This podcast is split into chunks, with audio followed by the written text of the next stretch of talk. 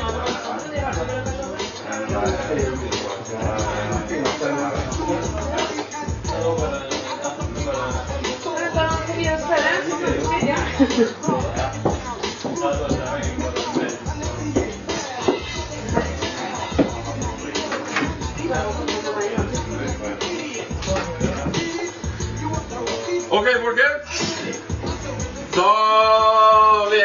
ønske velkommen til historiens eh, første tegneserieforum her på Akerhagen. Um, jeg må presentere meg sjøl. Jeg heter Tor Arne Hegna, for dere som ikke kjenner meg fra før av. Og jeg eh, har jo stått litt i bresjen for eh, det arrangementet her. Eh, det hadde seg slik at jeg ble kjent med Bjørn Arve her i sommer. Og eh, når du blir med så skjer det ting. Uh, og det ene førte til det andre, og plutselig så satt vi oss og planla tegneseriekurs. Og tegneseriefestival og en med det andre. Og så blei det kjørt med tegneseriekurs i høst. Og så fant vi at nå skal vi ha den gjengen som møttes der, men fant at vi ville fortsette å møtes uh, og ta samlinger en gang i måneden eller sånn. Og så eh, la jeg denne ideen fram for uh, før Bernardo styret her eh, på huset, og det gikk gjennom, det. Men uh, hvorfor ikke invitere noen til å komme og prate? Så da gjorde vi det. Så derfor så um, kjører vi oppstartsmøte i kveld uh, for uh, Akkerhagen Rocksamfunns tegneserieforum. Og eh, i kveld så har vi fått besøk av Martha Breen og Øyvind Holen. Vi skal komme mer tilbake til dem. De sitter her som litt sånn pynt foreløpig. Men eh, de skal bli mer eh, sentrale etter hvert. Så tenkte jeg bare fortelle fort om eh, programmet som jeg har tenkt å gjennomføre i løpet av året. Allerede om en måned så har vi fått en skikkelig eksklusiv gjest. Nemlig Arne. Arne Isaksen. Fra Klevarskia, faktisk. For det er han som er kjent i området. Eh, han er en aldri så liten sensasjon. Han er nemlig uh, blir regna som den første norske un underground-tegneserieskaperen. Fryktelig langt ord. Uh, I Norge. Så det skal vi presentere han skikkelig neste gang. Uh, hyggelig å se deg her i kveld, forresten. Eh, så i mars så eh, får vi tak i eh, Norges eh, Kan vi kalle hans eh, tegneserielærer. Eh, Tore Strand Olsen. Han eh, kom i fjor ut med en bok om å lage tegneserier. Og I tillegg så har han eh, samarbeidet eh, flere ganger med Øyvind her. Så vi skal også få se litt av arbeidet til Tore senere i kveld òg. Ellers utover eh, året så kjører vi i april et møte med Tor Ærlig. Eh, blir det mange regna som eh, den første moderne i hvert fall, tegneserieromanskaperen i, norske, i, norske, i Norge. Han eh, Er det? Også et langt ord. Også et langt ord. Det veldig mange lange sammensatte ord i tegneseriebransjen. Det må bare innrømme, Um, han uh, bor i Brevik, så han har ikke så lange veien opp hit. Um, I mai så får vi besøk av Karine Haaland. Hun, har, uh, hun var vel kanskje den første uh, norske tegneseriedama, for å kalle det det, uh, som tegneserieskaperen som, uh, som slo igjennom um, skikkelig. Det var flere, av Solveig Muren Sander og andre selvfølgelig lenge for det. Men hun eh, var laga en fast eh, daglig stripe. Tror det var i 6 eller 97. Før uh, Lise kom ned med, i hvert fall. Eh, så hun ble stas å få hit. Så i juni så eh, skal vi presentere en sjanger, eller en tradisjon, nemlig manga, som er japanske tegneserier. Pluss den ja, tvillingbroren anime, som er da animasjons, japanske animasjonsserier. Som da ofte har uh, seg inspirasjon fra hverandre. Så tenker vi sommerpause, og så i august så får vi besøk av Anja Dale Øverby. Som eh, har markert seg med noen veldig flotte tegneserier. Både på Jippi forlag og på mer eller mindre eget forlag. Eh, blant annet sånne små, eh, små utgivelser i veldig små opplag. Veldig kule ting. I september så har vi ikke, har vi ikke helt fått bekrefta ennå, men eh, det blir eh, forhåpentligvis et knallnavn eh, i september òg. Og så i oktober så kjører vi enda mer tema. Da blir det tegneseriehistorie. Da er det en som heter Christian Hellesund som kommer hit, som er en av de fremste historikerne, kan kalle det det, innenfor tegneserier. Han skriver nå på en bok om norsk tegneseriehistorie, eh, som vi kommer komme i løpet året, på engelsk. Eh, men i alle fall så eh, har han kjent kommer til å kjøre et, eh, et eh, show her på, i oktober der han forteller litt om eh, ja, Viser eksempler på ting som kanskje ingen visste om eller har glemt. eller sånne ting. Det kan bli ganske kule ting der. Og så i november så får jeg sjølve julehefteguruen her i landet. Eh, Håkon Isaksen. Relativt nær slekt med Arne her. Som både skal fortelle litt om julehefter generelt, men òg presentere de juleheftene som kommer i løpet av året. da. Eller til neste, neste jul. Kan jeg bare få bruke? Ja. Litt sånn artig kuriositet. At Håkon sitter nå fra i dag sitter han på ruta og skriver, jobber med manuset til neste års flå... Nei, dette årets Flåklypa. Neste juls Folkeblad, i hvert fall. Neste juls Flåklypa. Yes. Så det blir stort sett skrevet ferdig denne uka. Ja. Mens den enda har julestemning. Ja. Ja. Det vi burde egentlig hatt sånn eh, tegneseriekurs nå med, da, for å få juleheftekartet neste år. Ja, ja, se det. Eh, apropos julehefte. Uh, det var det som uh, på en måte starta litt sånn moro her. Med, det var det som var resultatet av det kurset vi kjørte. Det var Tor Atle her og, og Jens, som eh, var blant annet var som, to av dem som var med på det kurset. Og eh, begge de to har da laga serier til det juleheftet. Antar de fleste her eh, har, eh, har kjøpt det eller eh, har sett det. Og kanskje vi kan ha det som en årlig tradisjon å lage et eh, julehefte. Eh, trenger ikke bare være tegneserie, det kan være andre ting òg, men iallfall så vil vi prøve å få til det. Og det er i hvert fall litt sånn foranledning til at vi starta opp denne tegneserieforumet her, da. Før vi sender gjestene i oss, tenkte vi å ta litt sånn nyheter og tips og litt sånne ting om hva en kan eh, finne på eller følge litt med på i forhold til tegneserie og derav relaterte ting. Og Det første jeg ville tipse om, det er en Netflix-serie. Ja, Det er litt vanskelig å se der, men det er The End of the Fucking World. Om en aspirerende psykopat og massemorder. Eh, og hans uh, videreverdigheter. Den er basert på en, eh, en tegneserie med samme navn, selvfølgelig. Av britiske Charles uh, Forsman. Uh, tegnestilen der er ganske enkel. uh, men det funker veldig bra.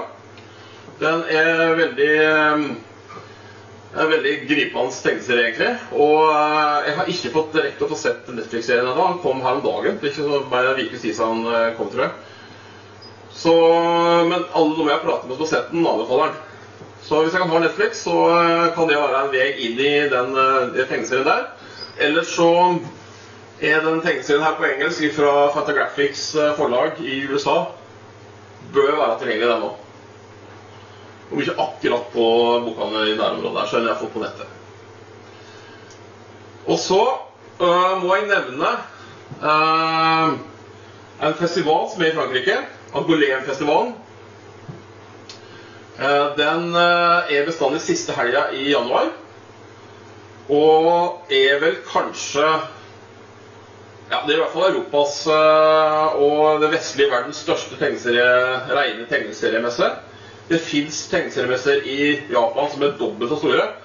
Men eh, jeg tror det kommer sånn ca. 250 000-300 000 besøkende til festivalen. Eh, I en fransk by som du sikkert alle har hørt om. Og um, har du vært der? En gang. En gang, ja. Det var kaotisk, tenker jeg. Det er eh, verdt å dra dit en gang. Det er litt som å være litt sånn Twilight som verden, hvor tegneserier er jo som det viktigste i verden. Vi, vi eh, og de tar snakkebobler på alle gateskiltene. Alle franske aviser bruker tegninger istedenfor fotografier den dagen det åpner. Og, og, og samtidig litt frustrerende hvis man ikke kan fransk. at Du er å møte en verden som du ikke kommer inn i. Så, så det, jeg rydda litt i hyllene nå og fant en signert tegneserie og problemer i 2001, så fortsatt ikke lest.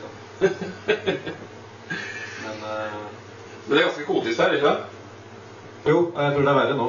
Uh, jeg tror liksom det, det, det er sånn at overlappingen blir fulgt et år i forveien. Så det tipset er kommet. Det er vel kanskje egentlig 2019 man bør sikte seg inn mot hvis man skal ta tur. Ja, det er litt seint nå. Men det er ikke langt, det er jo ikke langt unna Paris. Det går jo an å ta litt dag, dagtur. og. Og så kan du kombinere det, for det ligger midt i konjakkområdet. Det skal ikke si at du kan kombinere det med, men det kan du kanskje tenke deg sjøl. Ja, den gangen jeg var der, var det gratis for det. Det er backstage. Ikke. I år så er det en sveitsisk uh, tegner som heter Cosey, som uh, er ærespresident, og som har laga årets plakat.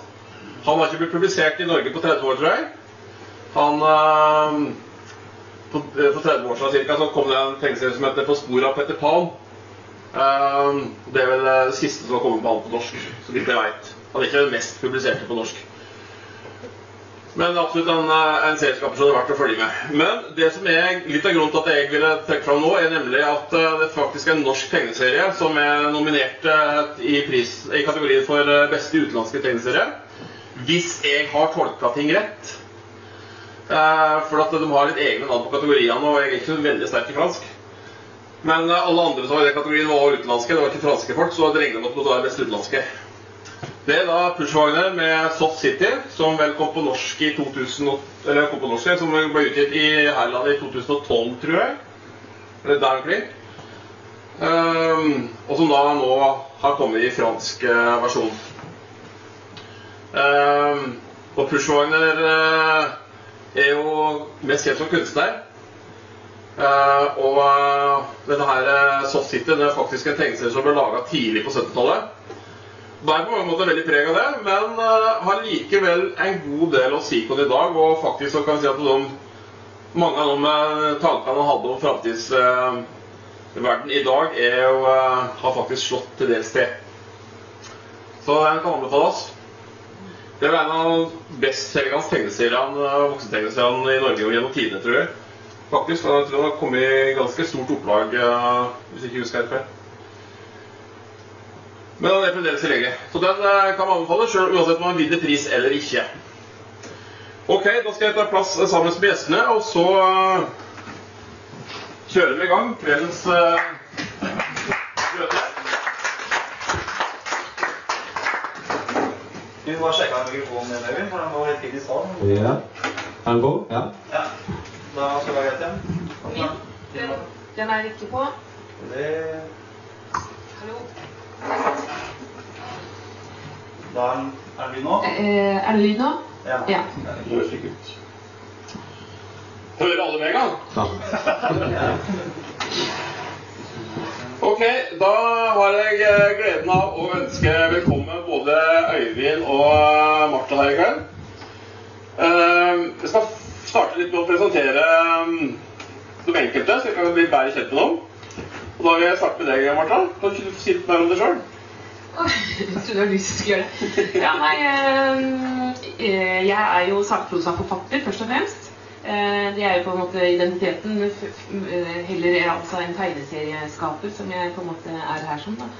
Jeg har skrevet eh, Jeg har gitt ut eh, ni bøker, men det er liksom mer sånn rubbel og bit. Også sånn små, småutgivelser. Altså noen eh, litt større voksenbøker. Og de siste jeg har gitt ut, har jo hatt eh, Flere av dem har jo hatt tegneserieform eller preg, da, fordi jeg har begynt å samarbeide med en illustratør som heter Jenny Ola. Så, og, så ja. Ja, eh, nå er vi jo i en rockeklubb, så det er jo betimelig å nevne at eh, du var ganske tidlig ute, eller tidlig og tidlig, men eh, for en del år siden i hvert fall, så vet ikke hvor lenge er, kanskje en seks-sju år siden, kanskje lenger siden, da skrev du en bok om eh, norske rockedamer. Mm. Det er faktisk eh, 11 år siden. Eller er vi 18 nå? Ja, det er 12 år siden. Så. Så tida går. Men uh, det var uh, Den het 'Pikevin og sang'. Uh, Historien om kvinner i norsk pop og rock. Og det, det kom i gang fordi at jeg var jo da musikkjournalist i Dagbladet på den tida. Og uh, oppdaga jo at det var skrevet veldig lite om eh, kvinnelige artister. Og de som hadde vært Man fikk jo inntrykk av at det ikke hadde vært noen norske kvinnelige artister, nesten.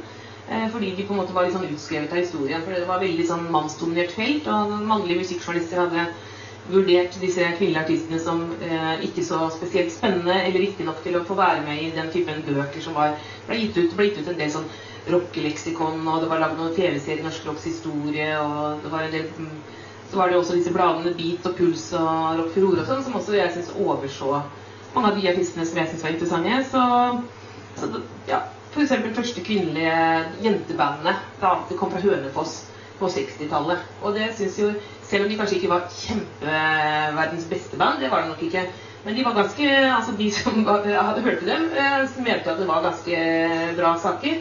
De fikk jo turnere rundt i hele Asia i militærleir, amerikanske militærleirer. Og jeg synes at historien er så spennende i seg selv, uavhengig av liksom hva man eh, syns om musikken, så er det kjempeinteressant hvorfor tenåringsjenter på Hønefoss starter et band når ikke det fins noen forbilder en gang på verdensbasis da, som spilte altså kvinnelige forbilder.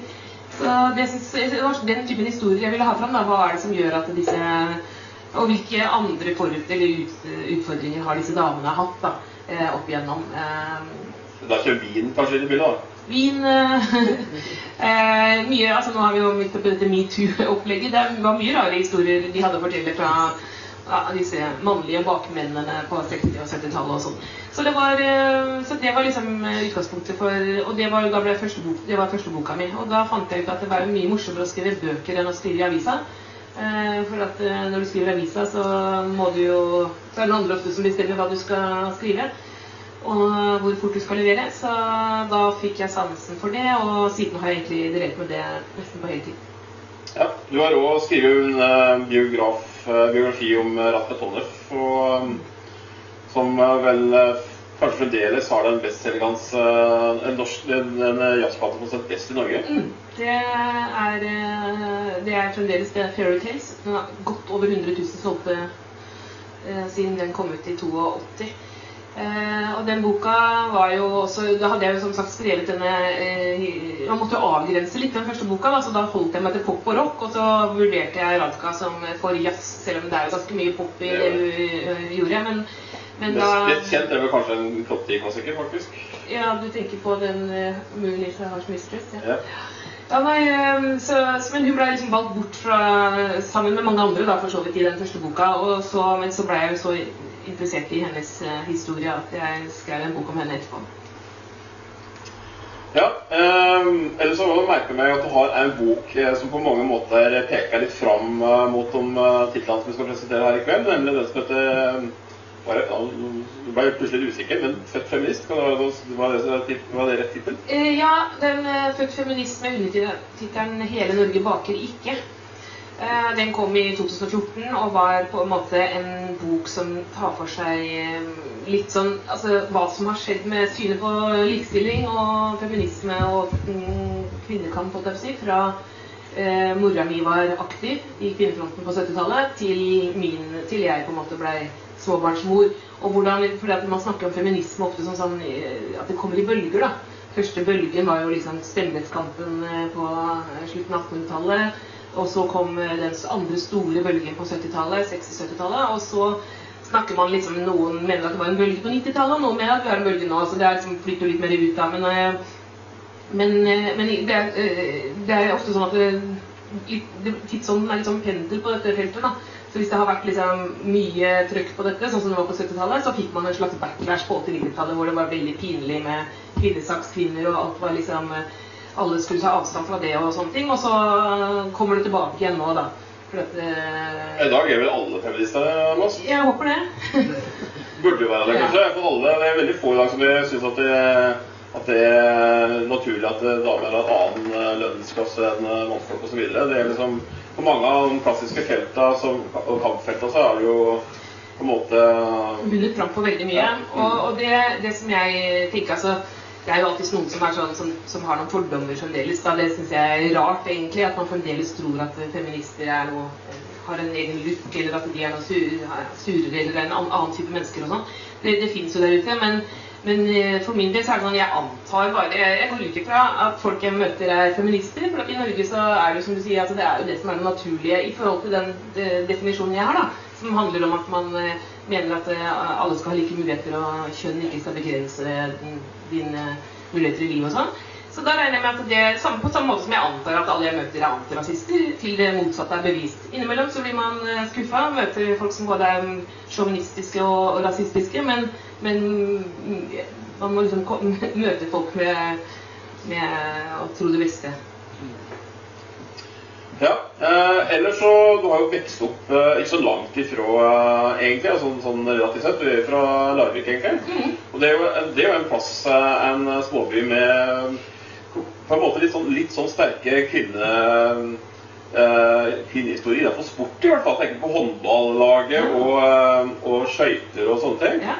Nei, det det er eh, I Larvik så må man velge. Enten når du er jente, så er det, må du enten spille håndball eller eh, finne på noe helt annet.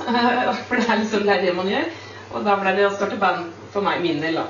Eh, jeg prøvde også på håndball. Alle, prøvd, alle jenter i Larvik har prøvd håndball, men jeg var bare el elendig dårlig. Og når man skjønner det, så, så må man da finne noe annet. Og da ble det gitar. Jeg, jeg, er med i hjelpekorpset, eh, Røde Kors, og jeg vet fra alle håndballkamper jeg var med på at det er en forferdelig skummel idrett. Det absolutt den plassen der det ødelegger mest. Så jeg vil anbefale alle som driver med håndball, å slutte med det. Ja, Det er veldig, veldig skummelt. Det er rett og slett ganske farlig, altså. Det, mm. Mm. Ja vel. Eh, det var kort og gæli om deg. Eh, vi må presentere Øyvind nå. Ja. Si litt om deg sjøl, Øyvind. ja. Jeg er gift med Martha. Det, det glemte vel Martha å si. Men det, vi vi traff hverandre i 2003. Så, og jeg også, også vår bokkarriere går nesten litt sånn parallelt. Vi har nå begge skrevet ni bøker, så vi har litt sånn internt kappløp her. Men jeg er redd for at Martha er ferdig med å kjøpe mye av. Det går, det det går fortere enn jeg begynte. Hun eh, er en racer nå. Eh, Men eh, for min del så, så jeg jo, jeg jo først og fremst på meg som journalist. Jeg har jobba som journalist siden jeg gikk ut av Journalisthøgskolen i Volda i 96. eh, før det også, egentlig. Men, men eh, og kort fortalt så har jeg ikke jobba med sport i Dagbladet. Eh, Ellers har jeg vært innom det meste. Eh, Men de siste ti åra har jeg jobba i Dagens Næringslivs eh, D2. Eh, og og bok, eh, bokbiten for min del jeg begynte vel egentlig som en sånn eh, begynte litt tilfeldig som en spin-off av, eh, av eh, journalistkarrieren. Eh, Jeg ble spurt om å skrive en bok om norsk hiphop uh, i 2003. Uh, og det gjorde jeg. Da skrev jeg en del av norsk hiphop i, i Aftenposten. Og så var uh, redaktøren sammen med en annen Aftenposten-journalist. Og så hadde Terje på Tromsmo sagt til forlaget at de burde lage en norsk bok om norsk hiphop. For det var en svensk bok om hiphop. Så sånn, sånn foregår ting i, i bokbransjen. Eh, det liksom ideer oppstår, og så leter man etter et. Så jeg var liksom riktig mann på, på riktig sted akkurat da. Eh, og, og, og som vi sa her, eh, i, så er det jo litt fascinerende å se tilbake på. For jeg husker en Dagbladet-artikkel fra sommeren 2004, rett før boka mi kom ut, eh, hvor Fredrik Vandrup skrev om en stor sak om norske musikkbøker, en dobbeltside. Han fikk god plass eh, på en dobbeltside, men han trengte ikke noe mer for å liksom, ramse opp det som fantes av norske musikkbøker. Og det var nesten ingenting. Det var pioneren Willy B. som skrev sånn norsk musikkhistorie litt sånn litt etter hukommelsen, som Knut Nærum, eh, uten, uten kanskje det ironiske blikket. Men, men det gikk litt sånn eh, Det var ikke helt presist alltid, men, men veldig viktig pionerarbeid. Eh, så fantes det vel en a-ha-biografi. Det var vel kanskje kommet ut. Og ellers så var det veldig mye sånn Det sånn skje- sånn det? lokale Trønderrock. mm. Mye eh, lokale ildsjeler på små forlag. De store forlagene holdt eh, musikk, musikk på avstand, for det var, liksom, det var platebransjen. De hadde ikke noe med dem å gjøre. Så det, det fantes ikke biografier om Olga Aleksandersen eller Erik Bye for den saks skyld. Den kom jo først nå. Eh, eh, så, så musikk var liksom ikke noe som bokbransjen var så, så opptatt av. Det har jo forandra seg. Det vi kom kommet en ny generasjon redaktører inn i forlagene også. Men, men det er mye Souls og, og Jagger og sånn. Så det var egentlig litt uvanlig at jeg fikk skrevet noe såpass ferskt som norsk hiphop på den måten. Ja. Eh, det var jo smått. Det var jo liksom fortsatt eh, måtte jo norske rappere samle alle sine krefter for å fylle Rockefeller og 400 på gjestelister. Eh, og 2005 år etterpå så ble norsk hiphop avskrevet igjen. Men, men nå er jo det norske hiphopen eh, størst i musikkbransjen omtrent. Eh, så, så det ble liksom et av mine spor som forfattere. Den fulgte opp med en bok om Groruddalen, fra Vannbyen eh, hvor jeg er fra. Og så hadde jeg hele tiden liksom dette tegneseriesporet. Altså liksom min, min interesse kom liksom et sted mellom musikk og hiphop. Eh, nærhistorie, lokalhistorie. Og så kommer liksom tegneseriene inn. For det, veien min inn i journalistikken var faktisk med å, å var som å begynne å anmelde tegneserier da jeg var 17 år gammel. Så det gjorde jeg i eh, 17 år i Bergens Tidende. eh, og, og har hele tiden skrevet om tegneserier. Men jeg kunne ikke tegne, så det var jo en, eh, en fåfengt drøm om at jeg skulle lage tegneserier. Jeg begynte å skrive i tidsskriftet Tegn, og det var da jeg ble kjent med Tor Arne, som også begynte vel å skrive i tegn sånn noenlunde samtidig med meg, tror jeg. Ja, jeg Tidlig tenkte 90-tall, tidlig 90-tall. 94. Ja, nettopp. 94. Eh, så, og, og Karl Arne ga jo også ut uh, trebindsverket til Morten Harper om uh, tegneseriehistorie. Som var også et stort og viktig pionerverk eh, der. Så, så, men tegneserier var liksom noe jeg skrev om. Det var ikke noe jeg skrev selv. Og, og jeg, Men når det er sagt, Ja. så ble du Du er kanskje fremdeles regna for å være en av de fremste til å skrive om tegneserier i Norge. Og du skriver jo fremdeles om tegneserier òg. Ja, gjør, jeg prøver å lure inn noen intervjuer og litt omtale og sånt, men, men anmelderiet er over. Og det var i og for greit, i og med at jeg begynte å skrive tegneserier selv. Så føltes det litt rart å fortsette å anmelde. Men eh, dessverre så er jo liksom det blitt litt mindre av det, i hvert fall i avisen, i likhet med alle andre anmeldelser. Ja. Uh, Du, du har jo kommet til rette plassen nå, da, for her er det jo både uh, rock, da, jeg ikke ikke hiphop, men det er rock. Uh, det er lokalhistorie, og det er tegneserier. Så dette er jo heimen. Det er plassen for deg, Øyvind, rett og slett. Eh, Jeg tenker vi da bare rett og slett eh, kjører i gang og går igjennom eh, litt sånn tema for i dag. Det er jo det som har stått skrevet i hvert fall, er at åssen lage tegneserier uten å kunne tegne. Og det er for at her har vi med oss to personer som begge to skriver tegneserier, men altså ikke tegner tegneserier.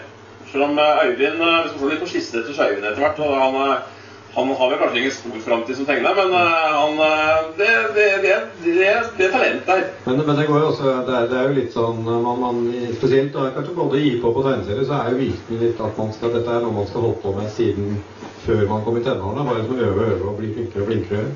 Men det går an å begynne ganske godt uh, voksen alder. Jeg var jo liksom eh, eh, Hvor gammel var jeg? Det var godt oppi åra iallfall. Uh, godt oppi 30-åra da jeg debuterte som eh, serieskaper. Eh, og, og jeg ser jo ellers sånn at det er jo ganske mange som voksne da, som, som begynner å lage tegneserier, og også begynner å rappe, f.eks. Det, det er noe man kan gjøre i voksen alder også. Ja, men altså, Jeg husker 80-tallet. Det var det mange voksne som prøvde å rappe. og det var Ja, det, det, Men uh, apropos voksen og tegneserier, vi har jo Jens her. Uh, han eh, debuterte som tegneselskaper uh, i juleheftet som vi ga ut nå. Han er jo eh, fylt 70. 70 faktisk. nettopp. Så Det er eh, ingen hindring. Eh, da skal vi starte litt da med å gå gjennom eh, dine tegneserier, Øyvind, før vi går over til Martas. Ja. Det var det jeg holdt litt igjen på når jeg snakket om meg selv. Da. For det er, sånn sett så stoppet jo bokkarrieren min midt i 2005 med boka om Groruddalen. Og så fikk jeg fast jobb og, og barn og den slags. Eh, Men så begynte det liksom å Når ungene begynte på barnehagen, så begynte det å løsne litt igjen. Så fikk man litt tid. Men det, det som må til, er man må, når man ikke kan tegne, så må man jo samarbeide med noen. Man må finne noen som kan tegne. Og det er ganske mange som kan tegne. Jeg husker jeg, når jeg skrev eh, anmeldelser selv, så var jo noe som hele tiden slo meg at det var jo litt mangel på manusforfattere i norske tegneserier. Det var jo eh, mange som var flinke til å tegne enn kanskje å skrive eh, historiene. Jeg husker jeg intervjuet Jason, som jo nå er en av våre er kanskje den største internasjonale suksessen. Han er mest oversatt og mest utgitt i utlandet. Han, han, hans metode da han debuterte med sin første album, var ganske typisk for norske tegneserietegnere, tror jeg. da. Han, han orket ikke lage manus, for det, det gjorde det kjedelig å tegne. Han orket liksom ikke den der, å tegne en ferdig historie. Han, han tegna og dikta historien underveis. Uh, Kjenner meg igjen i den, ja. ja. Og, og, og, og, det tror jeg er litt typisk at man liksom har gjort eh, på egen hånd og liksom bare tar det som det kommer. Og så, er man ferdig å tegne, og så har man skifta stil underveis. Og så bare mister man begynnelsen og gjerne begynt å tegne nytt igjen. Slik at det skal ligne på hverandre. Og, og så blir man aldri ferdig. Men, uh, men det var jo ikke så mange som skreiv manus. Det finnes jo så klart eh, flere. På, på 80-tallet var det litt profilansert, Så hadde jo Eirik Ildal var jo en eh, pioner eksempel, som skrev både film og tegneseriemanus. Men kunne jo også tegne. Men eh, noen eh, meldte ut som overgang. Men eh, autøren sto jo veldig sterkt i norske tegneserier. Men jeg som ikke kunne tegne, måtte jo rett og slett finne noen å jobbe med. Så, så nå er det blitt eh, tre. Vi er i gang med en. Dette er jo da Drabant 1 og 2, som er liksom mine to første tegneserier. Så kommer det en treer nå i løpet av året. Og så er det tegneseriens historie, da, som er da en sakprosabok i tegneserieformen. Fjerde boka her er en bok om Donald. Jo en, en comeback til sakprosa uten, uten eh, tegninger. Men det handler om tegneserier. Ja, det er vel noen tegninger i der, tenker jeg. Sånn. Ja, det er, det er litt illustrert, men det er jo, det er jo en Ja. bok med bokstaver. Det er liksom Ja. donaldismen 2.0, det der. Ja. Ja. Det var det som var målet. Eh, skal vi gå litt inn i prosessen eh, som du eh, har hatt i forhold til det med å lage tegneserier? Som du har startet med? Ja, det, det er jo litt sånn lang og kronglete vei. Drabant kom jo i 2012, eh, men begynner jo på sett og vis i 2004 med, med hiphop-hoder.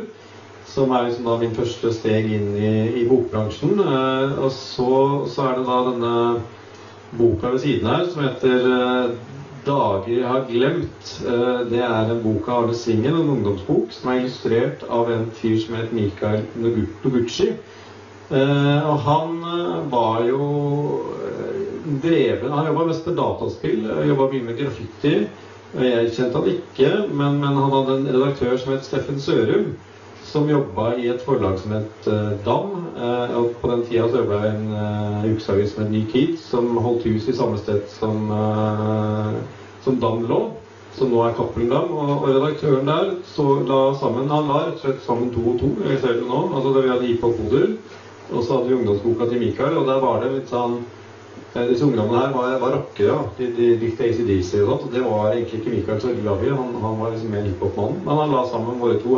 Eh, våre to interesser og talentfelt. Og så ville han ha rett og slett en sakro... Det er ikke sant? Han ville ha en, ville ha en bok om uh, rockens historie. ville han ha. Så det Nei.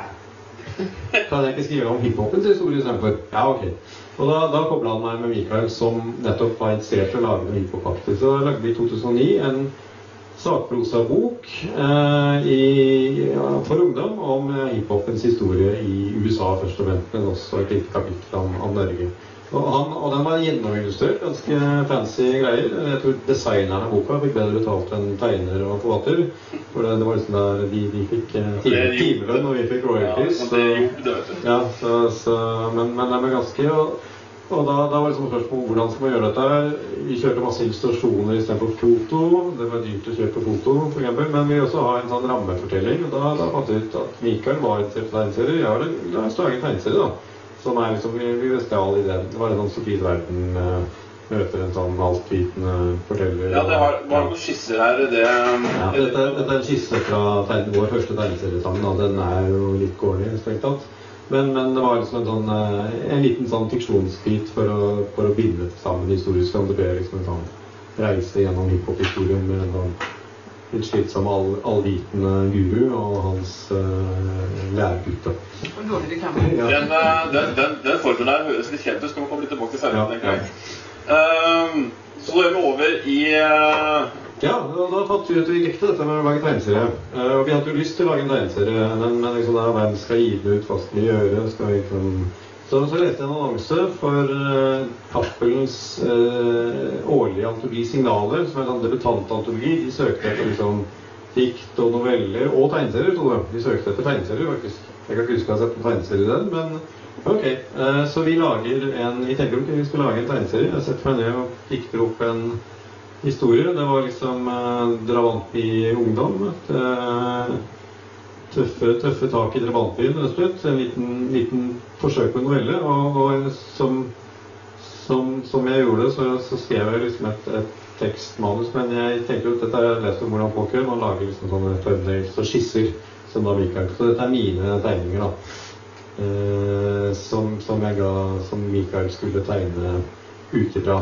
Eh, Ja, for dette er rett og slett ditt på en måte manus. Det er manus, ja. Det fantes, eh, det, fantes nok eh, et Word-dokument også, men det var liksom sånn forsøk på layout og, og, og, og opplegg på hvordan det skulle se ut, og hva som skulle skje på siden. Det er det som er det, som er det viktige, liksom. Men, men, eh, men etter hvert så fant vi ut at, at Mikael var egentlig flinkere til å liksom tenke layout, så, så, så vi fortsatte jo egentlig på den måten, bortsett fra at jeg slutta å tegne disse fullball her, da.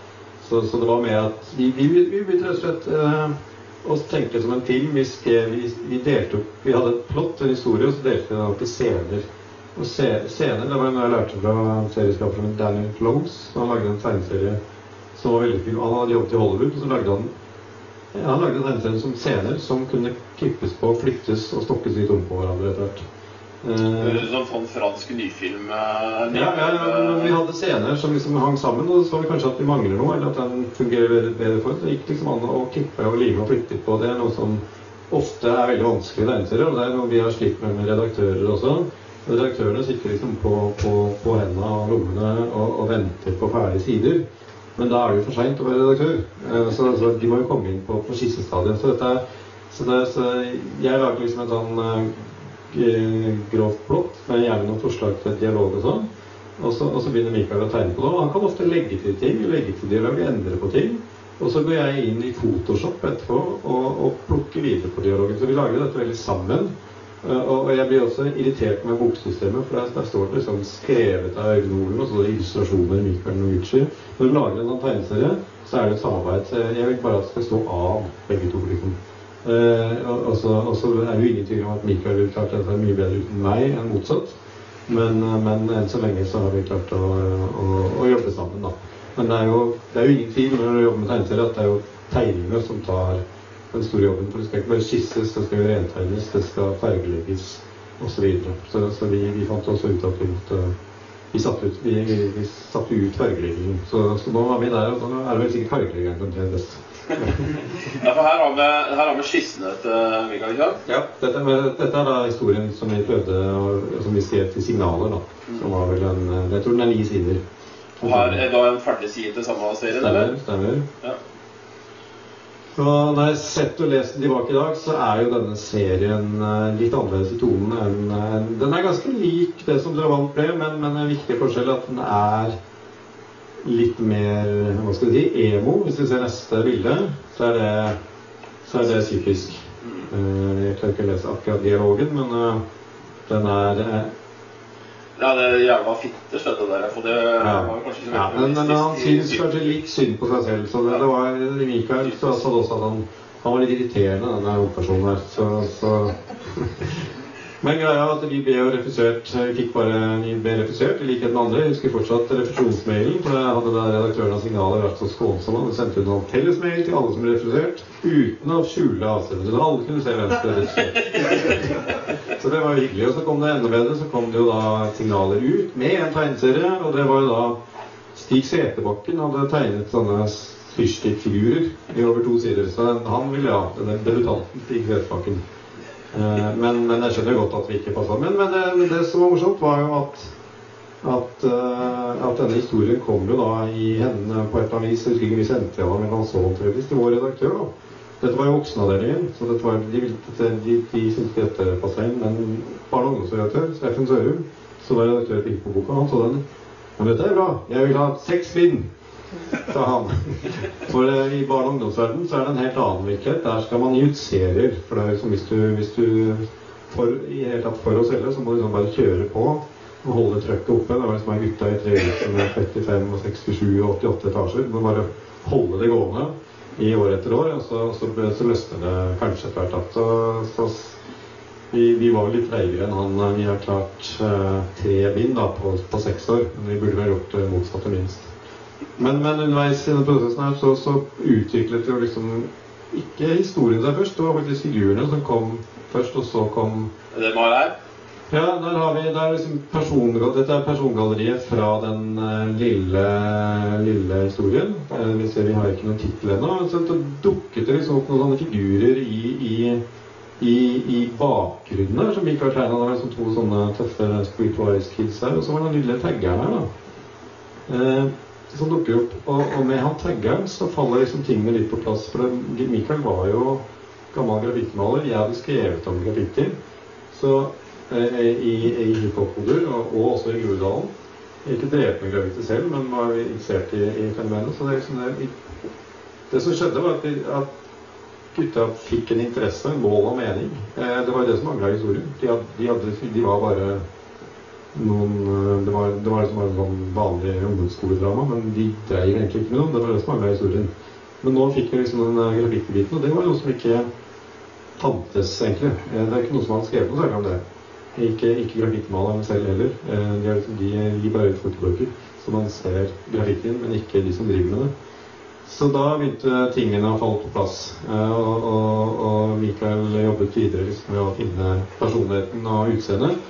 Og ut fra tegningene så kommer jo liksom historien litt også på neste. Og tittelen 'Dravant' var faktisk inne i, i eh, Den heter Drabant alternert mellom voksesmerter og dravant. Og så het liksom 'dravant voksesmerter'. Men så ble det liksom bare 'dravant'. Eh, problemet med 'dravant' er et ord som bare finnes på, på norsk. Er det det? Eh, ja, den ble oversatt til dansk. Eh, og satellittby heter det på dansk. Men den blir hetende Drabant på, på, på Suburb på engelsk. Drabant er liksom mer en bil i andre land. Drabanten. Så her kommer liksom også da Her er coveret og historiene på plass. Så, så mye av liksom det, man, det er jo klisjeen om at karakterene lever sitt eget liv, men, men eh, det var jo nettopp det som skjedde at, at figurene kommer, og så kom historien ut fra dette. Som, eh, og, og, det er gått mange runder fram og tilbake. Det skrives jo mange plott og historier og, og, ideer som ikke blir noe av. Uh, og, og, det er jo det som er vanskelig med å skrive tegneserier, er at du kan jo skrive og skrive, men, men når alt kommer til alt, så er det, er det ikke så mye på plass til. Uh, hvis det ikke skal bli 500 sider. Så mye må kuttes. Ja, ja, Og stemningen er ofte vel så viktig. ikke sant? Her har jeg uh, hoppa litt videre. Ja. At, uh, Dette er, dette er liksom den ferdige tegnesiden. Dette er Drabant 1. Dette er hvor våre to hovedpersoner, Victor og Fredrik, møtes for første gang på T-banestasjonen. Hvor begge har sneket seg inn for å, å male på, på T-banen. Og det er jo kjærlighet ved første blikk. Men har de, her er det, er det Vika som har fargelagt her òg, eller er det Nei, det, det, vi har et, uh, han har fargelagt en del selv, det har han. uh, For det, det, har, det er vanskelig å finne noen som liksom har både tid og talent til å, og, til å gjøre det. Det, det er jo man, man selv som, som, uh, som liksom, de som tegner og står bak det, det, det er jo Da gjør man jo litt for kjærligheten også, men å fargelegge for kjærlighet, det, det, er vanskelig å finne. Så, så, vi har jo heldigvis klart å få betalt litt, da, men det, det, er mye jobb. og det, det er mer enn man skulle tro. Selv om det er så mye gjøres på data og sånn. Og, det blir eh, Det kan bli veldig forskjellige resultater også. Det bare å se på eksempler på hvordan Donald-sider har vært fargelagt opp gjennom årene, så er det to Det blir nesten to forskjellige serier avhengig av fargelegginga. Ja, jeg husker uh, fra en av mine favoritttegneserier som heter Blueberry. Uh, som tegneren sjøl farga en del album, og han er jo kjent for å gå en del på syre, og det bærer jo fargeleggingen en del preg av. Så han hadde egentlig Blueberry var best når andre fargela hadde ut etter hvert. For, for eksempel alle norske stripserier de farges, fargelegges jo i utlandet. Eh, med, og da må man legge med sånne fargekoder, så alt blir, alt blir jo veldig sånn status. Det er ikke så mye kreativitet i bildet. da. Den eneste som gjorde det, var jo Mats Eriksen, og han brant seg ut på på arbeidet. Men han fargela sine egne serier selv. Så han eneste. Ikke Øverli, ikke Lise Myhre, ikke noen. Jeg trodde, jeg trodde kanskje at det var eh, Tommy, Tommy Tusch eh, som farga uh, Frode. Men det, Ja, han har farget ned igjen. det- Tommy, Tommy Sydsæter eh, var den store, store tegneren som sluttet å tegne mer eller mindre. og Gikk mer og mer over til fargelegging. Og han skulle faktisk fargelegge Drevant 1, for han, er, han har jobba i spillbransjen med Victor. Det var planen. Eh, men han var litt for dyr. Og jeg tror han tre nå, som kommer nå, der hadde vi en konkurranse. Og vinneren av konkurransen var sønnen til Tommy Sydsæter. ja. Men så somla vi så mye med tegninga at han hadde funnet seg noe annet å gjøre når jobben endelig var klar. Så, så det ble ikke noe, det var, vi har bomma på Sydsæter to ganger nå. Både far og sønn. Her er litt forskjellig fra andre bind, tror jeg. Eh, litt forskjellige både ferdige omslag, forslag til omslag, og litt sånn eh, Litt sånn eh, graffiti. Eh, Ja, det, det, er jo, det er jo igjen da, så, det, så, så dukker liksom den tegningen opp til venstre er av den kvinnelige hovedpersonen Camilla. Og, og det var en tegning som bare Michael gjorde. Det var kanskje det første han gjorde når vi begynte å gruble på Drabant 2. Vi tenkte at hun måtte spille en større rolle der, og bare med tegningen så faller liksom mye på plass egentlig av historien og, og det som driver denne storyen framover. da. At hun, hun liksom blir eh, den viktige personen her. Det stammer mye ut fra den cover og den, den opprinnelige liksom, coverplanen da, som, som forandra seg tvert. Det pleier ofte å ende med et annet cover enn det som opprinnelig var. da. Men, eh, og, og, og så er det hele tiden også sånne små, små den, den der kan jo være, Hvis du bare skummer gjennom serien, så er den fort lest. Men det er mange sånne små dult til folk som titter litt ekstra. da. For eksempel så er jo all, all graffiti og, og piser og tags i seriene er jo genuine av ekte, ekte writere. Eh, Mikael har ligget eh, med influensa en uke nå, men da har han brukt anledning til liksom å perlestille dette som han får inn fra, fra folk. Så det er masse sånne små referanser som, som ikke trenger å catches, men som er litt morsomt hvis man vet om det og, og kjenner dem igjen. Det er jo et gammelt grep som eh, vi kjenner fra Asterix og Alan Moore og Ja, Vi har liksom prøvd å plassere dem inn, på den tegningen der så snakker vi vel om, om store, store nazislag i Hokksund i 1995, eh, hvor vel du var. Ja. Eh, så, så vi hele tiden bestemmer liksom at dette skal foregå Først foregår i 1994, og oppfølgeren er i 1995. Og, og da rett og slett så, så begynner å se hva, hva skjedde egentlig da? Hvordan var eh, været, holdt jeg si? Og, og hva, hva skjedde, og hva i? Jeg har laget soundtrack til alle, alle, alle tegneseriene også, som, som er rett inn i tiden. Som hver av hovedpersonene har sin spilleliste som, som går rett inn i tida der. Men hvis du tar neste også, så er dette research fra Dramant 3, som da foregår i år 2000. Så da har jeg vært og snoka i Hvem av hvor fra 2000 for å se hvordan 2000 egentlig var. Og dette er nå faktisk snart 20 år siden. We Love the 2000s eh, arrangeres for første gang til, eh, til høsten, så 2000 Vi er i eh, Vi treffer rett på 2000-nostalgibølgen, og der ser vi bl.a. at SMS-dikt fra HRM var veldig trendy i 2000. Eh, han er ikke kommet med i serien, men, men, men det, er liksom der, det var der mobilteknologien var. Da. Så det, det er ganske lenge siden og motbildet og GHB var liksom det store på, på dopfronten. Så noen ting Hvis Vi slipper inn sånne filmplakater, litt sånn tidskoloritt. da jobber, jobber en del med det.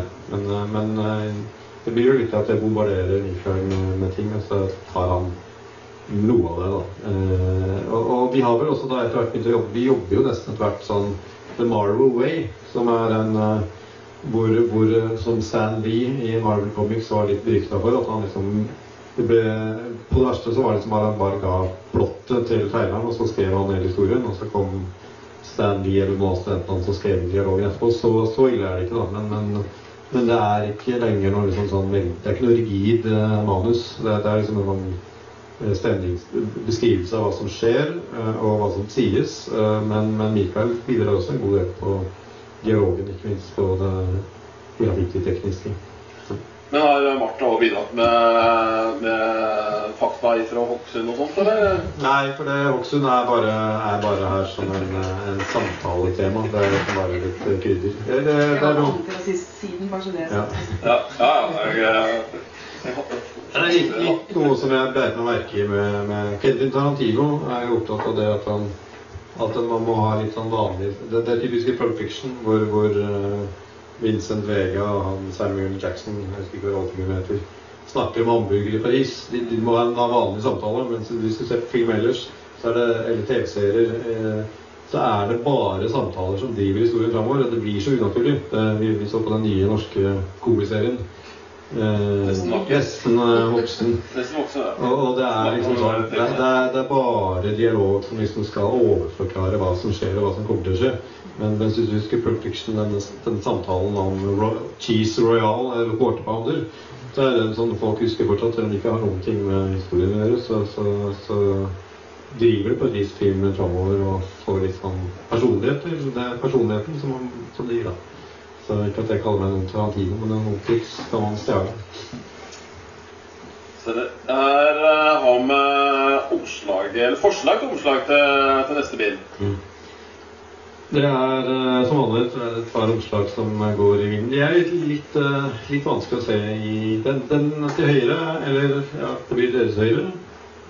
Ser du på den måten som Ja, er? ja. Ja. det- Den til høyre er det opprinnelige omslaget som har vært klart en stund, og som også er fargelagt og ser egentlig litt finere ut i farger. Mens den andre er en egen scene fra inni i serien som, som Mikael bare syns ble, var veldig fornøyd med og lagde en, en sånn coverdummy på. Så kjørte vi rett og slett en avstemning på, på, på Facebook-sida hvor, hvor det er vel en klar ledelse til den tagget på siden. da. Men uh, vi får se hva redaktøren sier. Vi har jo begge begge eh, forsidene er jo noe som eh, kanskje ikke er så kommers, med folk som viser ryggen til og ikke noe ansikter og sånt. Så, Du kan jo høre hva salen syns. ja, eh, og, og til høyre ser jo veldig fint ut på høyre, men ikke sånn i, i svart-hvitt. Så litt usikker. Men eh, Det er en tydeligere komposisjon i den til venstre, da, for å si det sånn. Ja. Ja. den er litt kaotisk, den andre. Jeg spent på Facebook på deg til venstre. Hvilken? Jeg til venstre, ja. Ja. Den er. Den, er, leder ganske klart på Facebook, så jeg er nok, jeg er nok enig. Ja. Det blir spennende å se om du kommer. For den eh, Drabant-tridet 3 det kommer forhåpentligvis ut til høsten, eller? Til sommeren? Ja, se, tidlig sommer eller høst det er ikke helt klart ennå. Det kommer an på, på det ene eller andre. Men- i løpet av året skal den bli ferdig iallfall. Så det neste bildet er jo da hovedpersonen, Fredrik, som vi begynte med. Han uh, i utvikling etter hvert. Altså, vi, er, vi er jo nå Nå er de jo voksne og blitt uh, samboere, eller voksne. er Kanskje, det viser seg kanskje at de ikke er så voksne likevel. Nesten voksen. Det er vår Jeg vant tre nesten voksen. Er. Her er vel eh, skisse Ja, og dette er vel ikke min skisse, dette er Mikaels skisse, så vi er ikke så, så forskjellig stil han kan lage. Han, er- han, er, han har nå også da siste nå begynt å skisse litt med kulen, som han syntes var greit. Og dette er jo liksom da den grove thumbnailen som da enhver enhver egentlig kan lage. da. Så denne er jo er, den, Denne kunne jeg kanskje konkurrert med. Det, dette, dette hadde jeg klart. Men jeg er ikke klar til neste. Det En veldig fin stil allikevel på levende eh, skisser. Mm. Absolutt. Uh, dette her det er ikke samme sida, nei. Nei, det er ikke den samme siden. Dette er uh, den andre hovedpersonen vår, Viktor, som er blitt vaktmester i borettslaget der jeg vokste opp. Det er der han har endt opp, iallfall når historien begynner. Så får vi se om han klarer å holde seg i, i eh, sju til tre-livet som, som han har her. Men uh, dette er også da fargelagt av, av vår nye Dette er den første siden hvor de fargelegger har eh, laget ferdig. da. Så det er også veldig gøy å se både for meg og Mikael at ting det blir jo liksom mer hva slags føringer gir dere kan på fargelegging? Er det har, har du noen tanker om det? Er det Mikael som har det? eh, jeg overlater jeg ganske mye til Mikael. Han har også vært ganske mye mentor på akkurat denne sida her. Så altså, han, eh, han eh, Jeg stoler på han her. Jeg har ikke veldig sterke meninger om fargelegging og veldig lite kunnskap om det også. Det er litt science fiction for meg. Jeg antar at det er sånn gjort i Photoshop eller Ja, jeg jobber, jobber ganske mye i Photoshop. Og, jeg, går- men jeg går også inn i siden av i Photoshop. Og vi, vi, har jo, vi jukser jo litt. Vi har ikke en håndtekst med tusj, det er en font. Ja. Men det gjør det mye lettere å samarbeide, for at jeg, kan skrive inn bobler og, og, og det er jo også noe man kan lære seg å lage også. Sende inn faktiske bobler. Så da har vi, har vi en dropbox hvor alle filene ligger som Photoshop-filer.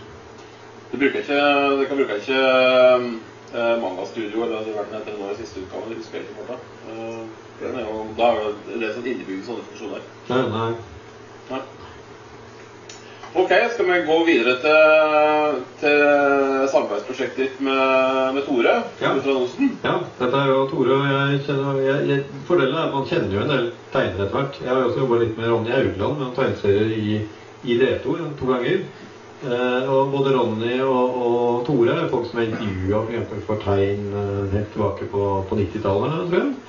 Eh, så, så da er det jo og, og Tore min har gitt ut eh, sitatsamlinger også. Både Tore og, og, og Jens K. Styva har hyra inn som illustratører for han. Så jeg liksom eh, så jeg har, har, liksom hatt litt profesjonelt å gjøre med dem også, nå, men, men og, og Tore lagde da coveret på, på min bok om Donald Duck og co. Den store fortellingen om, om det viktigste delen av norsk kultur, egentlig. Den som har preget oss alle generasjon etter generasjon. Eh, og, og han lagde masse forskjellige covervarianter. Egentlig skulle det være Donald-historie her, eh, men vi feiga ut for vi var redd for at det blir saksøkt av Disney. Så det ble liksom meg i, i Donald-klær i silhuett. Jeg vet ikke hva som catcher den egentlig, men, men han lagde også en god del. Vi intervjuet jo kjente liksom, Donald-elskere som Fred Olsen og Jon Gisle og Kristin Clemet og Jon Christian Elden, som da Tore tegnet portretter av. da. Så, så når, når eh, Jeg tror det var nå Steffen i Cappelen Dam eh, foreslo å skrive en bok om rockens historie. Han, ikke hiphopen, den ville han ha. Det var hiphopen han ville ha, men nå vil han naturlig at vi skulle følge opp med å lage en faktabok om rockens historie. Da, ja, det kan jeg kanskje gjøre, men jeg har mer lyst til å lage tegneseriens historie, så kan jeg kanskje lage rockens historie etterpå. Eh, og, og, da ble det jo naturlig å heve lista litt fra, fra den hiphop-boka og rett og slett lage hele greia som tegneserie. Da har vi, det har vi sett med uh, Scott McClouds uh, Understanding Comics og, og to bøker til.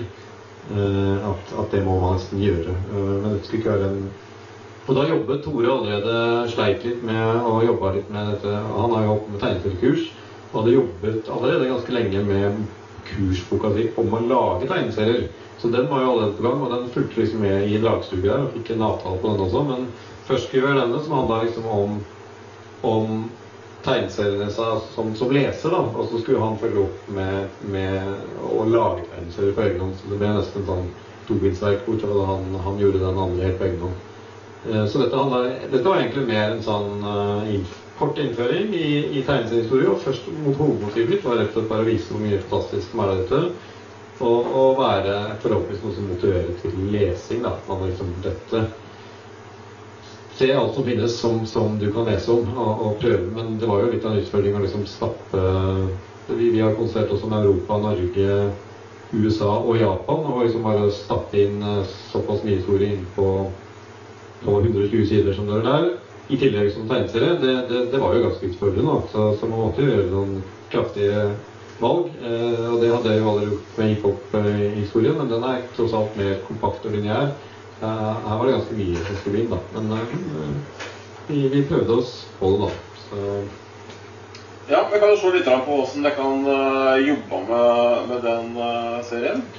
Utfordringa først var rett og slett å finne ut hva man skal ha med. Så det, det var å lage en, en kapitteloversikt. Så, igjen, igjen, litt som mindre vant. Det ble liksom scener. Så for meg liksom to sider på hver, ting. Noen ting jeg fikk ut, andre ting måtte kuttes ut. Men det var liksom bare å prøve liksom og så tok man liksom hver, hvert kapittel for seg, da, som lagde det som en enkelt uh, prosjekt.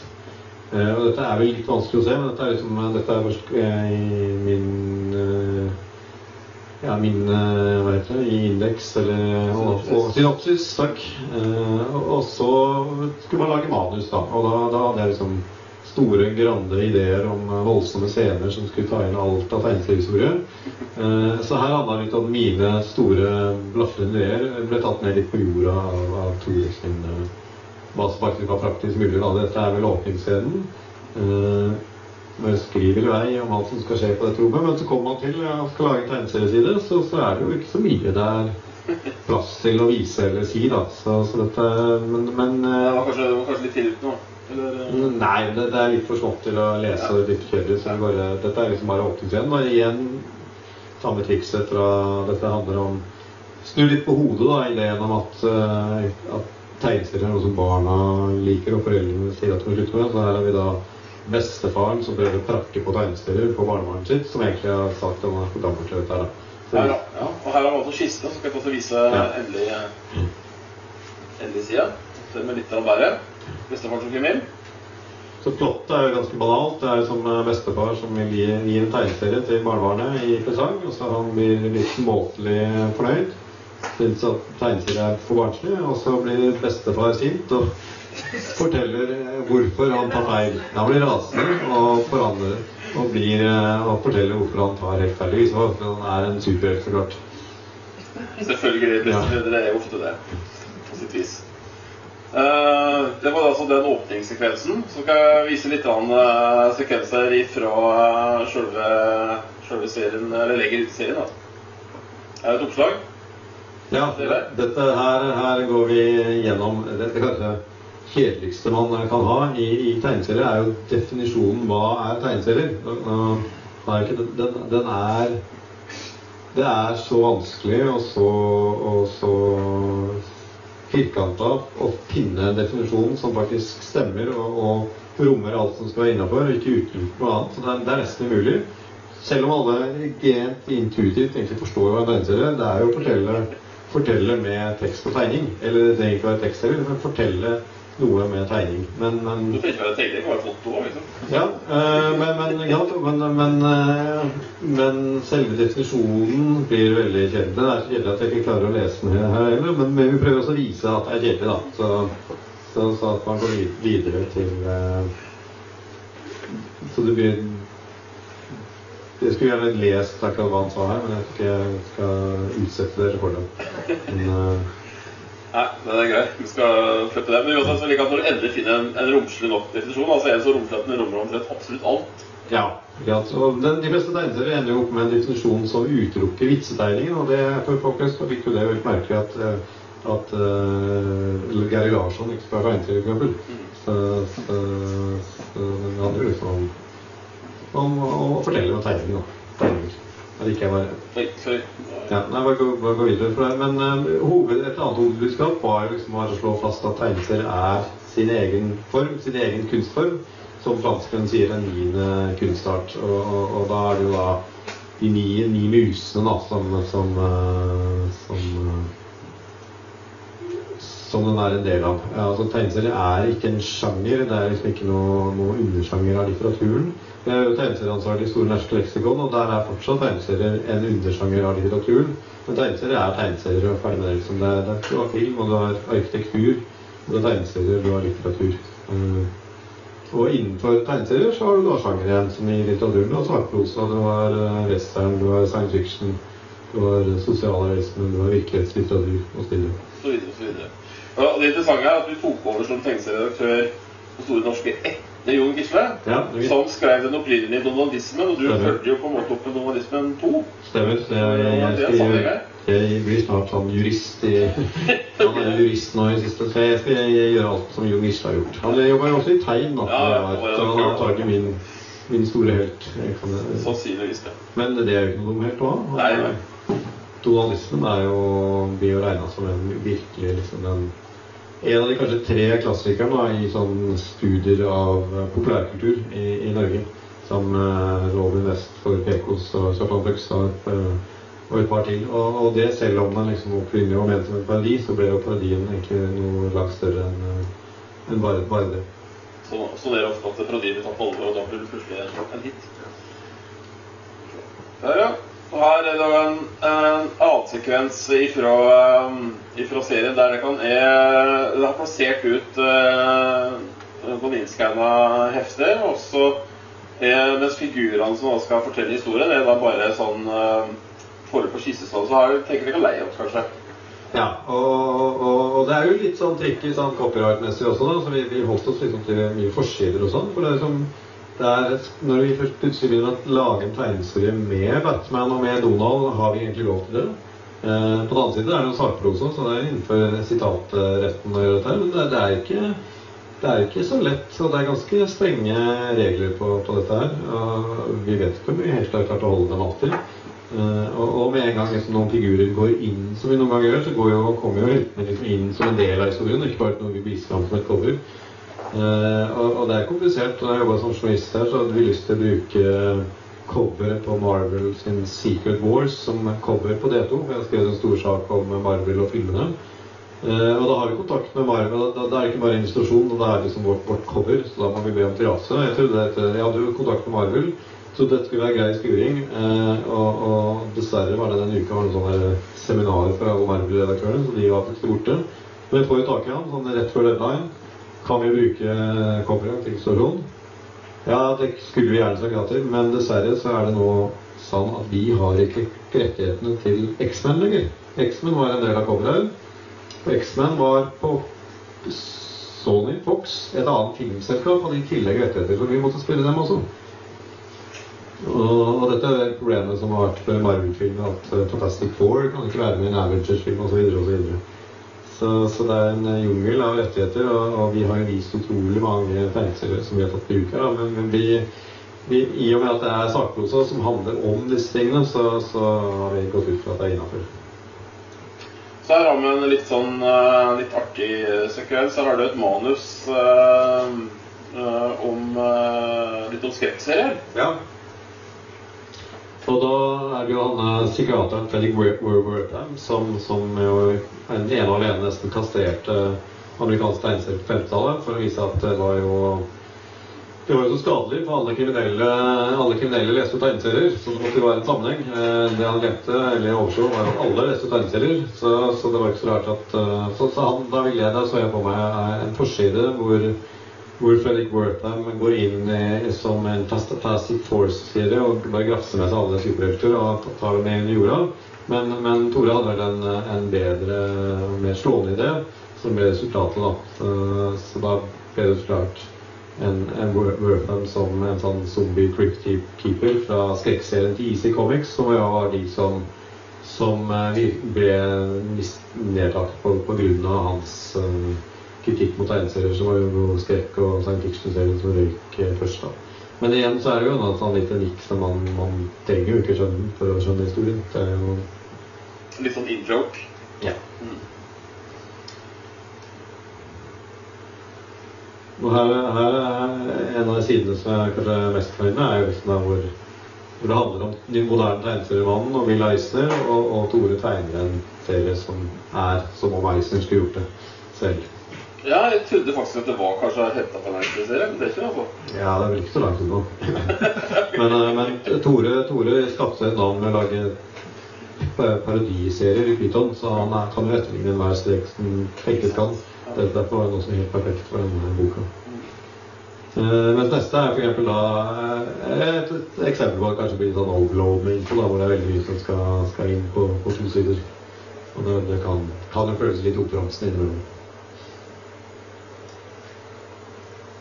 Det er samme. Mm. Samme type tematikk. helt sagt, Altså at det er litt masse informasjon på sida, eller? Det var litt uh, talentløst å hamre poenget inn på den måten, men uh, mulig at jeg hadde en annen tanke. Uh, nei, dette er, dette, er, dette er ikke det. Dette er bonussporet. Uh, vi fikk jo juleheft lagde, Vi lagde juleheftenes historie over seks sider. Juleheftet som kom i fjor. Så, så, så det finnes en liten bonuskapittel der ute. Det kommer juleheftet fra Gyldendal. Eh, dessverre litt vanskelig å få tak i. jeg. Men eh, det er en liten bonus. eh. Det var jeg ikke klar over. Nei, nei. Det, var husker ikke hva juleheftet het engang. Det, kom ikke- det ble tydeligvis ingen suksess, for det kom ikke i år. Men det var Gyldendals, eh, fors- forsøk på å lage en sånn eh, juleroser. er Ikke det, det, var Ja, ja. men, men det var litt mer sånn urbant og trendy, så det gikk jo ikke så bra. Ja, det er jo feil med julehefter, da. Ja. Man kjøper ikke julehefter, da. Det var ingen suksess. Ok, eh, da sier vi foreløpig takk til, til deg, Øyvind. Og så tror jeg kanskje vi skal legge opp ta en liten pause nå. Skal vi jeg tror det er ikke bare å kjøre på? Ja, du kan. Det kan. Ja. ja, jeg tenkte kanskje at folk hadde lyst til å strekke på beina eller sånne ting, men eh, skal vi bare kjøre på? Kjør på. Kjør på. Ja, da kjører vi på. Men eh, blir det kaldt her, eller? Ja, jeg, men jeg fant meg et skjerf. Ja, så bra. Så jeg måtte jeg tatt grep her. Men uh, ser folk begynne å ta på seg jakkerollen her, Så ja, Bare må avvise seg litt lenger. ikke sant. Ja. Ja. Ok, da Da, Martha, Ja. skal vi ta litt eh, om ditt arbeid. Oi, så er det ikke litt fram her. Eh, her har vi dine samarbeidsprosjekter med Jenny Jordal. ja. Eh, mangler bare en sånn sitatbok som kom tidligere i år. Eh, så, men dette er da eh, den første boka jeg Hører du meg? Ja. Første boka jeg skrev med eh, samarbeida med Jenny på, som heter F-ordet 155 grunner til å være feminist. Det er ikke en tegneserie, men det er en eh, ja, gjennomillustrert med noen tegneserieinnslag. da. Som jeg også hadde, som jeg skrev også i samarbeid med Madeleine Schultz. Og da var det sånn at jeg hadde lyst til, eh, når vi lagde den, det var Madeleine og jeg som begynte med det på et forlag som Manifest, Da hadde vi lyst til å ha liksom, sånn litt feministisk tegneserie, litt sånn à som vi hadde sett en del av i Sverige. Da, for der er det jo mange store, flotte, flinke damer. Liv Strømquist er jo en stor heltinne. og eh, Nina Hemmingsson og Nanna Hva heter hun? Eh, ja, Nanna Johansson. Johansson. Ja. Mange som er veldig flinke. Eh, og Ordfront og Galago og sånne forlag som har kjørt mye på det. Så, så jeg hadde foreslått egentlig flere år før dette her for Manifest at ikke, om ikke de hadde lyst til å liksom prøve å få fram noen eh, eh, politiske kvinnelige serieskapere. Men eh, det var, eh, gikk litt smått. Og så når vi, vi lagde den, så utlyste vi en sånn tegneseriekonkurranse, rett og slett. Eh, hvor vi ba folk om å sende inn. Og så fikk vi en del, en del eh, da, fra et knippe jenter. Ehm, men det var på en måte ikke så mye som var veldig bra. Og, og, og så sendte jo Jenny Jordal inn, og hun var jo kom, hun var veldig veldig mye leng- kommet lenger enn alle de andre. da. Hun hadde lagd en del på egen hånd og sånne ting. Og vi fant tonen veldig, så Bare et spørsmål. Dette er før hun var publisert i Aftenposten? Hun hadde hatt én eh, sånn, eh, sånn som Kroppen sånn, eh, sånn kropp. Hun hadde fått en sånn hit som har blitt delt mye på, på Facebook, men hun hadde ikke, hun hadde ikke fått noe fast Hun hadde ikke noe mer enn det. Men hun hadde en nettside da, som het 'Livet blant dyrene', som var sin egen. Så da satte vi i gang med henne med en gang, og vi hadde egentlig veldig kort tid, så det var veldig sånn, eh, det var litt hastverksarbeid egentlig, men den, den, den har jo fått eh, det, må ha gått bra, for den vant Kulturdepartementets fagbokpris på ungdom, så, og blir, kjøpt inn alle bibliotekene sånn. Så jeg får høre at den liksom funker til det formålet den er ment, da, som er å opplyse fortrinnsvis unge mennesker om eh, likestilling og feminisme og sånn anno 2015. Så det, men det var jo da så for, Madeleine Schultz er jo, jobber jo, jobb, hadde jobba i Kvinnefronten og jobba mye med så hun er er mye med alvor, veldig alvorlig likestillingstematikk og vold mot kvinner og abortrettigheter i andre land og mye sånt. Så hun har tatt mye av den delen av det stoffet og, jobber, og ville jobbe videre med det. Hun ville gjerne samarbeide videre, men, men liksom gå i den retningen. Mens eh, Jenny og jeg vi ville liksom eh, fortsette å Vi, vi syns feministhumor og tull og tøys og gjøre litt narr av kjønnsroller og sånn, det syns vi var gøy. Så det var det vi, derfor gikk vi videre og lagde den store rumpeferden etterpå. Eh, og andre glimt fra medias bakside, hvor vi på en måte gjør narr av medias eh, voldsomme fokus på særlig kvinners kropper. da. Eh, det er veldig mye sånn rumper i mediene. Jeg vet ikke om dere har fått med dere det? Det er veldig hot. Eh, ja. greier. så det er liksom, Alle de nettavisene har minst to sånne rumpenyheter hver dag. Og det, jeg tror det er egne journalister som er ansatt med det som spesialfelt. Men, eh, men så den, eh, den eh, boka er mye av det, da. Eh, mye fra våre blogger. Og så er det også tekst, da. Så det er miks av tekst og bilder og tegneserier. Og så, ja, så er det en quizbok under der, det som bare er eh, illustrert med hva vet du om damer? Det er dessverre sånn at de fleste sånne quizer der handler eh, Åtte av ti spørsmål handler om menn da, i sånn vanlige quizer. Så da syns vi at Ja, jeg, skal, jeg kjenner meg litt igjen der. Jeg, jeg hadde, forrige fredag så hadde jeg quiz der bl.a. Arne vant. da. Men eh, jeg tror ikke det var så veldig mange damespørsmål. der, Var det det? Det var veldig få damespørsmål. Det var vel ikke det. Nei. Det var mer dyr enn damer. Men da har jeg fokus neste gang. Ja, men det er bare å skaffe seg den der. Det er bare Ja, da- ja, damespørsmål. Helt klart. Og så ble det da 60 damer du skulle ha møtt. Norsk kvinnehistorie for deg som har det travelt. Så da var jo på en måte dette her eh, opptakten til den. Og den er jo en eh, mer sånn gjennomarbeida tegneserie som liksom, hvor det er hovedfokuset. Selv om det er Men den er jo helt Altså det er stort sett seks ruter per dame. eh, Hvor vi Er det et, opp- ofte et oppslag òg? ja, ja, noen får opp, hele, sånn oppslag, og noen har fått eh, tolv ruter eller, eller ti de vi ikke har klart å komprimere til seks. Men det er rett og slett da 60 kvinnelige pionerer som vi mener folk burde vite om. Og forteller eh, biografien deres i kort, kortform. Da. Det er jo sånn at jeg reiser mye rundt og holder foredrag for ungdom på skoler.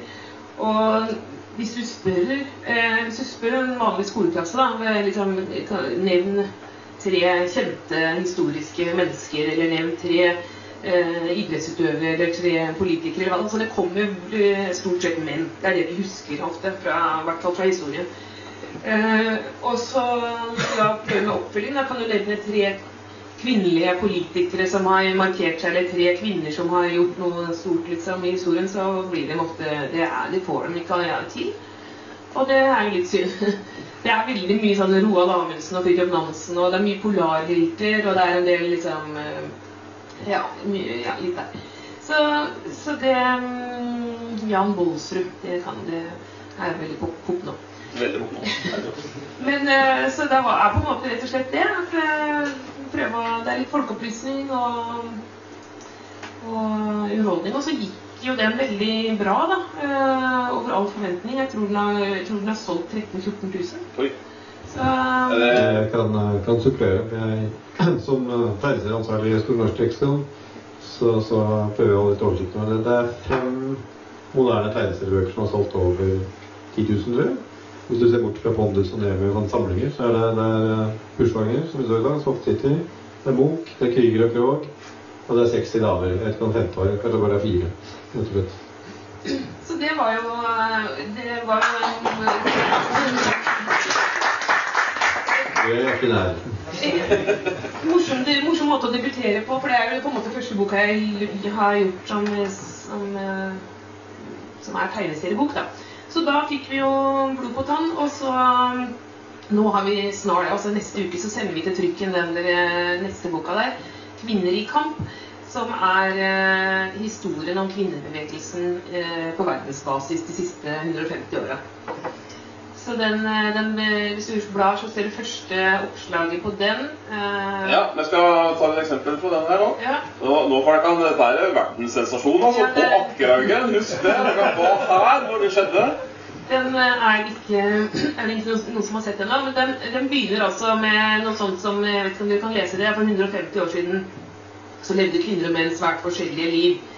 Eh, og så kommer liksom forklare liksom, ja, for eh, Hvis du blar en til så Det handler da om at eh, på 1800-tallet så, så var jo ikke kvinner myndige. ikke sant? Man hadde ikke rett til å tjene egne penger, man hadde ikke rett til skilsmisse, man kunne ikke bestemme Man, man hadde sin manns navn og var sin manns eiendom, eh, mer eller mindre. Måtte til og med si eh, når man gifta seg altså Hvis du ser på neste oppslag der igjen, så, så er det vel noe sånn at eh,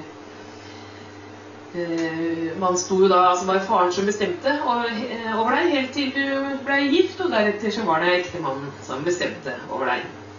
Og du måtte da til og med si da ja, at jeg lover å eh, være underdanig eller le, tror jeg. Det står igjen i neste, en annen rute her. Så, så det, det begynner liksom der, og så, hva, og så forteller de hva som eh, ja, det der så hopper jeg tilbake i tid, da, for da kommer plutselig Rousseau Ja, og, ja. og til så nær opplysningstiden og sånn. Men, men eh, mellom, eh, mellom de så ja, der, der kommer eh, historien da om når eh, at kvinner begynte å snakke sammen og organisere seg for første gang. Og det som vi har en historie om det aller, aller første møtet i kvinnebevegelsens historie da i 1848 var det, i Seneca Falls i USA. Da var det noen damer som hadde jobba mot slaveriet i lang tid og var veldig engasjert i det, og som eh, plutselig ble nekta når de kom, altså amerikanske damer som kom til en antislaverikongress i, i London. Og i London så syns de at eh, hvorfor i all verden kommer det kvinner med deres delegasjon? Skal de snakke, skal de stå, snakke offentlig, eller skal de drive med politikk? Det var jo eh, det var uhørt, så, men de fikk da beskjed om å stå De kunne være der likevel, da, siden de hadde kommet helt fra USA, men de måtte stå bak et forheng og gjemme seg. Og da var, ble det liksom, det var liksom, da begynte de å snakke sammen og si at men all verden, dette her går jo ikke an. Uh, vi har jo jobba masse med politikk egentlig i dette i så, så de da bestemte seg for å prøve å gjøre noe med den saken. Så de kom hjem igjen til USA og lagde en konferanse for å snakke om at kanskje kvinner også skal ha rettigheter, ikke bare slaver som de hadde jobba med en stund. Men uh, bare for å spørre uh, Harriet Beckerstow uh, kommer vel med med, med On- Onkel Sam Nei, onkel Tom. Ja, onkel Tom. Onkel Tom, ja, ja. Det er en annen onkel. Onkel Toms hytte, ja. Ja, ja. eh, Det var ganske samtidig. Ja, det var det ganske samtidig? Jo. Jo. Så det var kanskje, kanskje det var så typisk for eh, at det var liksom et engasjement blant kvinner i USA den? Ja, det, mm, ja det, den er nevnt, den også. Det, er, det var definitivt eh, Det var flere grunner til eh, at de bevegelsene de var veldig tett eh, sammen. Og det var også en, det, det handla jo om at slaver og kvinner var umyndige. Og, og, når- man først hadde begynt å tenke den ene tanken, eh, så var det naturlig å, å tenke den helt ut at eh, kanskje alle voksne mennesker skal få være myndige. Eh, og, så hadde de også tett bånd til eh, skal Om jeg sier det riktig abol. Jeg klarer ikke. Eh, er det noen som har hørt om det? En sånn religiøs bevegelse i USA eh, som på en måte som jobba ja, kombinerte disse to tingene. Det var veldig, De fleste kvinner som organiserte seg både i Europa og Norge og USA på den tida, kom jo fra religiøse Ja. eh, bevegelser. Så det var tett, tette bånd mellom eh, disse to bevegelsene og eh, avholdsbevegelsen. Den, eh, det var eh, også i Norge. Ehm, så eh, så jeg, det er også historie, en del historier om noen svarte kvinner som, eh, som leda an i begynnelsen. Og så, og så da tar vi dette, det kan jo til den Rousseau her, som da litt fordi jeg skal prøve å trekke, trekke linjer til hvorfor var det så mye kvinneundertrykking. Jo, det handla jo om at man hadde noen forklaringer på at eh, enten da at eh, Gud vil ha det slik, som det var i veldig mange år. Gud vil at det skal være stor forskjell på kvinner og menn, og de har forskjellige roller og noe sånn. Eller naturen eh, kommer etter hvert som en forklaring. Bare naturen eller Gud som man eh, valgte å støtte seg på. Og Rousseau var jo den som da han, eh, som, som støtta dette natursporet, da. Fordi at da hadde man jo mye Han opplysning kanskje? Nei, ikke sant? Du hadde plutselig begynt å avskrive litt at eh, den store Altså, man fikk andre forklaringer på fenomenene da, enn de religiøse. Og det skjedde mye på eh, vitenskapelig felt og sånn. Og, og da, men da måtte man jo finne en annen grunn til å undertrykke kvinner. Og da ble det liksom at de er bare de er helt annerledes fra naturens side. Eh, de er skapt med helt andre forutsetninger. Og det kjørte jo han på, da. Eh, med, og veldig mange var enig. Kan gå videre her, skal vi se. Nå har jeg ikke Ja, han sa så mye rart. Jeg, vi har gjort litt narr av han, da. Eh, og så på slutten der, siste ruta der, så kommer liksom Kant og Hegel var enig. det var mange som var enig. Men eh, det som er litt sånn gøy når jeg, jeg skriver jo eh, Vi jobber på en helt annen måte enn det jeg hørte at Øyvind og Mikael gjorde her. Eh, jeg, det er mye mer manusbasert. Altså jeg skriver eh, nesten helt ferdig manus. Og, og skriver eh, rute altså i større grad Vi kan se litt på, etterpå på 60 damer, som var enda mer sånn Da, da skrev jeg rute 1 oppe, kolon. Rute 1 nede, kolon. Altså helt sånn. Um, og så slapp jeg henne litt mer løs i denne boka her, for at hun eh, ville jo gjerne det. Og jeg ser jo at det blir bedre når hun også får eh, Ja, det blir mer levende når hun får eh, komme med sine små vitser. Og noen ganger så bruker hun en hel side på noe som jeg egentlig hadde tenkt bare en rute og omvendt og sånn. Så egentlig så er du mer den Alan Moore-typen hvis du Stan Lee, da? Kan du få bruke sånn Ja, kanskje, men, men, men, men det handler vel litt om at det er eh, fiksjon og sakprosa også. Men Tegneserien historie var jo kanskje mer eh, manusbasert. Liksom. Man kan ikke ta seg så mye dikteriske friheter.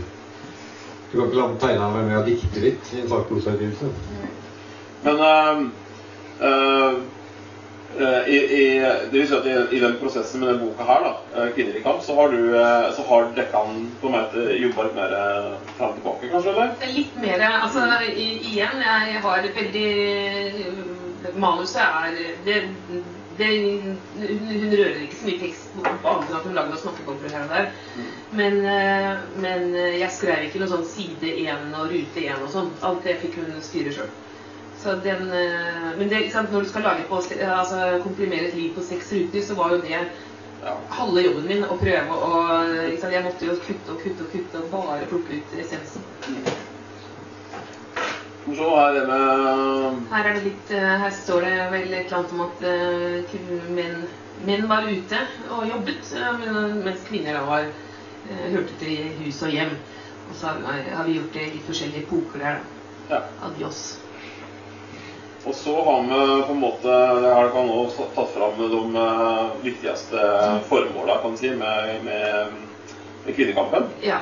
Det er litt sånn ganske tidlig, så, så etter at liksom, vi har vist hvordan kvinner begynte å organisere seg for første gang og sånn, så, så forteller vi da hva som eh, jeg da mener er de tre største kampsakene i disse bølgene vi har hatt med feminisme. Først så handla det jo om å, å få tilgang til eh, yrkeslivet, tilgang til utdanning, eh, og dermed også da mulighet til å være økonomisk selvstendig. Eh, og så kom dette med, med å få være med en del av politikken og få tale offentlig og stemme. Og så den tredje, da, som, som begynte på 1880-tallet, men som liksom vi kjenner mest fra 70-tallet, egentlig. det er Kampen for å bestemme over egen kropp. Som har vært, eh, så det er sånn tre søyler i kvinnekampen eh, som har vært veldig viktig for at vi, skal, at vi er der vi er i dag. Der vil jeg bare si at I og med at vi nå er i Saura, da, som eh, da har på en måte gått i bresjen for å nekte leger å nekte, Ja.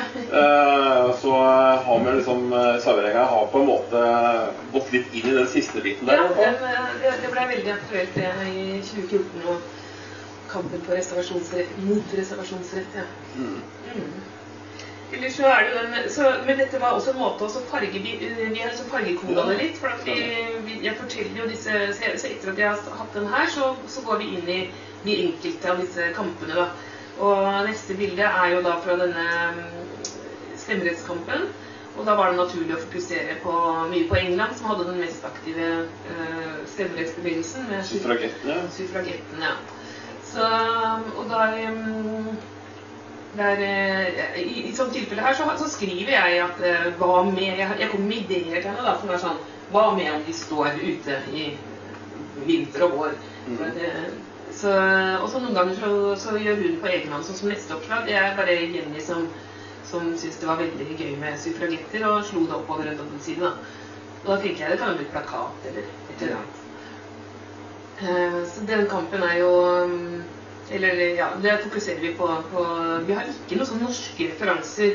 For at hele veien så har vi tatt på en måte altså Når det gjelder abortkampen, så, var, så fokuserer vi på den eh, amerikanske rettssaken som ble på en måte det, Som gjorde at eh, USA var først ute med å tillate abort da, i 73.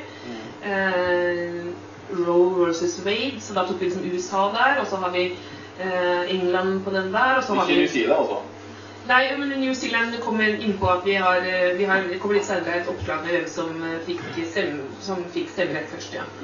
Um, og så har vi um, har vi også noen historier om den første iranske feministen, og vi har Malala selvfølgelig, og den type ting etter hvert. For det er, det er som sagt worldwide. Vi går videre. Mhm. Her har vi lagd et sånt feministtog som begynner på 1800-tallet og slutter i dag. Det var liksom litt uh, morsomt. For å vise at det henger sammen. Og så har vi denne Hører at det er enkelte gjenbruksartister her. for å sånn. Mhm. Eh, Neste oppslag er fra det kapitlet som handler om eh, kampen for å bestemme over kroppen sin. Og den, der handler det om Der har vi mye fokus på en som heter Margaret Sanger, som var en amerikansk sykepleier som, eh, som klarte å egentlig egenhendig eh, innføre prevensjon til USA. Og det er en ganske spennende historie. Eh, og hun var også den som satte i gang forskningen på p-pillen. Etter at hun først hadde hun da smugla inn pesarer fra Europa, for det fantes Og hun ble arrestert igjen og igjen, men det fantes på Etter at gummiteknologien ble litt bedre, så fant hun noen pesarer i, i, i Nederland og smugla de over. Og mm, klarte å sette inn Hun åpna da sånn klinikk og klarte å, å tilpasse sånn eh, 800 pesarer på noen damer i løpet av ti dager før hun ble arrestert igjen. Og, og sånn gikk det, da. Men, eh, men så etter hvert så klarte hun å samle inn masse penger, for hun tenkte at eh, de pesarene og dette her er jo ikke noe, var jo ikke verdens beste prevensjon. Det vet alle som har prøvd det, tror jeg. Eh, og da tenkte Hva med en pille? Liksom? Hva med og hormoner? De hadde vært noe som så da fikk hun samla inn masse masse penger til å, å ansatte en forsker som het Gregory Pincus, som da satt og forska på dette her i eh, nesten ti år, før han da i 1960 kunne legge fram eh, p-pillen og få den godkjent. Um, det er derfor det heter p-pille. Det, det er ikke prevensjon eller progestin eller sånne ting man kunne tro, men det er Pintus. Oppkalt etter en mann. Men her har vi altså en sånn eh, nemnd eh, som vi hadde her i Norge også på den tida. At eh, du måtte gå foran en nemnd og spørre om du kunne ta abort, og så sa de ja eller nei. Da. er veldig trivelig, sikkert. Videre så er det Er vi Ja. Ja, vi, har ikke vi, vi har ikke mer Giske, altså. Men, eh, men vi er også, det Det blir en egen uh, tegnsroman, ikke? Kongepudler som serie. mm. Nei, men uh, metoo har jo uh, på en måte aktualisert uh, eh, feminisme, kvinnekamp, på en måte i dag. Så det er jo på en måte har jo metoo blitt eh, Ja, du har i hvert fall fått uh, fokus på, uh, på hvordan vi mannfolk uh, er i fylla, helt skulle sagt. Eller når vi ikke er på vårt beste. Ja, altså Nå var jo ikke skjedd alle over en kam, men det har vært en veldig viktig kampanje. og masse Det er jo veldig mye lettere for mange nå altså, å varsle om kjipe ting. Og både av større og mindre alvorlighetsgrad. Så altså, det har, jeg, tror, jeg tror at den Jeg tror det har vært veldig, veldig Jeg tror det er et eh, veiskille, rett og slett. At eh, nå det er eh, den tiden er over hvor man kunne slippe unna med det i stort monn, og det, det er bra. Men det handler ikke mye om det. altså. Det er bare litt på slutten av den boka så, så forteller vi litt om utfordringer. altså at, liksom, at Både at vi feirer at det, eh, vi har kommet veldig langt i veldig mange land, det er viktig, og det, må vi, det, det er opptatt av å løfte fram. Så, men så gjenstår det ganske mye, og vi har et lite sveip over eh, at det er fremdeles eh, en del kulturer hvor, som driver med både omskjæring og tvangsgifting og og, og steining og mye rart. Og at det fremdeles er eh, store økonomiske forskjeller eh, på verdensbasis, og at man fremdeles har seksuell trakassering og sånne type ting. Men eh, avslutningen er optimistisk, da. Det er på en måte med noen setninger om at det, men det, sakte, men sikkert så går det framover, så lenge noen tør å gå foran. Og så har vi da løfta fram de som gjorde det. Da skal vi gå over til bestselgeren, da. Ja, nå, den den, der, den boka her, den, eh, etter planen så kommer den sannsynligvis ut 8. mars, eller? Ja. Så dere har jo en liten greie der. ja. Det blir femte året på rad at jeg gir ut eh, bok på 8. mars, så jeg må fortsette med det. Ja, det må jo det, da. Så eh, hvis du da gikk tilbake til 2016-utgaven Mm. av 8. mars-utgivelsen, så er det da selvfølgelig eh, 60 damer Mm. som du skulle ha møtt. Mm. Den, eh, det er, jeg har litt liste der over liksom bakgrunnen for at vi skrev den. Det er i forordet det her at eh, det er vel sånn åtte av ti biografier som kommer ut i Norge, handler om menn fremdeles. Eh, og det er eh, Nå kan ikke jeg lese hva som står der, men eh, klarer dere det? I salen? Ja. Det er eh, Hva står det? At eh, sju av ti kilder i mediene, er det? Er mennene? er menn. Og så er det neste her, som jeg syns er litt artig, at eh, sju av ti To av tre nekrologer. ja, to av tre nekrologer handler om menn. Det er jo liksom sånn, Hvis man leser Aftenposten, så ser det ut som det bare er høyt utdanna menn fra øvre middelklasse som dør. Det var jo til Dagbladet hadde jo en sak om de som døde i fjor, og der var det jo en vanlige som døde i fjor. Ja, det er, Vi dør ikke så ofte. Eh, og så har vi da denne siste her eh, Ja, jeg kan ikke lese. Tre av fire filmer. Ja, filmer har en mannlig hovedrolle. Eh, fremdeles. Og det er jo veldig rart. Altså Den at tolvte eh, mann, bare for å nevne en konkret tittel. Men eh, de tre mest sette filmene i USA i fjor hadde kvinnelige hovedroller. Ja, så det er kanskje i ferd med å Star Wars, eh, Star Wars, Wonder Woman og Jean- Jeanette Noyde. Det var, siste er vel kanskje litt sånn eh, klassisk uh? Eh, Ja, det er riktig. Neida, så dette er bakgrunnen, som vi sier i, i ja, Neste bilde er også litt av det. ikke sant? Så det er dette er Jennys eh, versjon av det. ikke sant? Prisen for beste birolle går til kvinnen. Og det, det der med, med film, også, at, at man liksom eh, altså de, At halv, halvparten av eh, befolkningen får, får eh, bare en brøkdel av fortellingene, det er eh, provoserende. Og er jo veldig Jeg tror det påvirker unge jenter som vokser opp. da, At eh, hele eh, At man liksom fremdeles da, i 2018 har eh, mye færre rollemodeller å, å måle seg opp mot. Og at de, de damene som er i disse filmene, ofte har en rolle som da er en sånn eh, sidekick til den mannlige protagonisten. Altså, du er liksom mor eller elsker, altså love interest, liksom, eller noe sånt, men du, har, du er ikke på en måte den som driver historien framover, og den som det skjer interessante ting med psykologisk. Eh, mye smalere og mer stereotype roller, da. Så det, det er det vi prøver å gjøre med. med den, hvis du har neste rute, ute, så forteller vi bl.a. om hun dama her, som er det er merkelig det fin, altså Gina Krog, dere har jo sikkert hørt om henne, men eh, det fins ingen biografi om henne. Eh, det syns jeg er veldig trist. Eh, nå er det jo sånn Hvis vi har tid, så kan jeg bare fort- fortelle raskt historien om Gina. Eh, eh, Nei, jeg tar det her. Ehm, altså, ehm, altså, men, altså Jeg er leder i noe Norsk faglitterær forfatterforening. Eh, det organiserer alle som skriver eh, sakprosa i Norge, og det er veldig mye biografiforfattere. Og der ser man jo hva som kommer ut av, av biografiene mine. Det er sånn at det har liksom en eller annen fyr vært eh, landbruksminister i, i en eh, regjering på 50-tallet. I et par måneder så har han fått seg en mursteinbiografi. Mens det da har sånne damer som Åsta Hansen og Gina Krogh som ikke har fått noen bøker. Gina Krogh, eh, hun, eh, hun eh, vokste opp på Karmøy og i Nord-Norge, men flytta til Kristiania. Og begynte som lærer på pikeskoler i veldig ung alder. Men så fikk hun da ingen formell utdannelse, fordi da var det fremdeles forbudt eh, for jenter å gå på både gymnas og, og um, universitetet, så hun ble ikke lærer. Eh, og, men 33 år gammel, da hadde hun jobba som lærer en stund, la ut på sin første tur til utlandet og møtte suffragettene.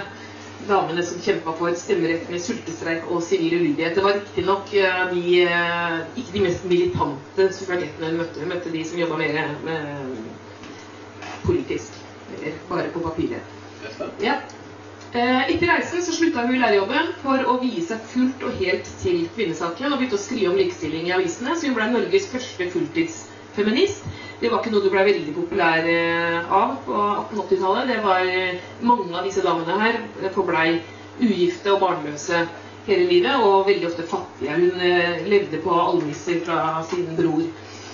Eh, I 1884 så tok hun initiativ til å danne Norsk kvinnesaksforening sammen med Venstres Hagbart Emanuel Berner.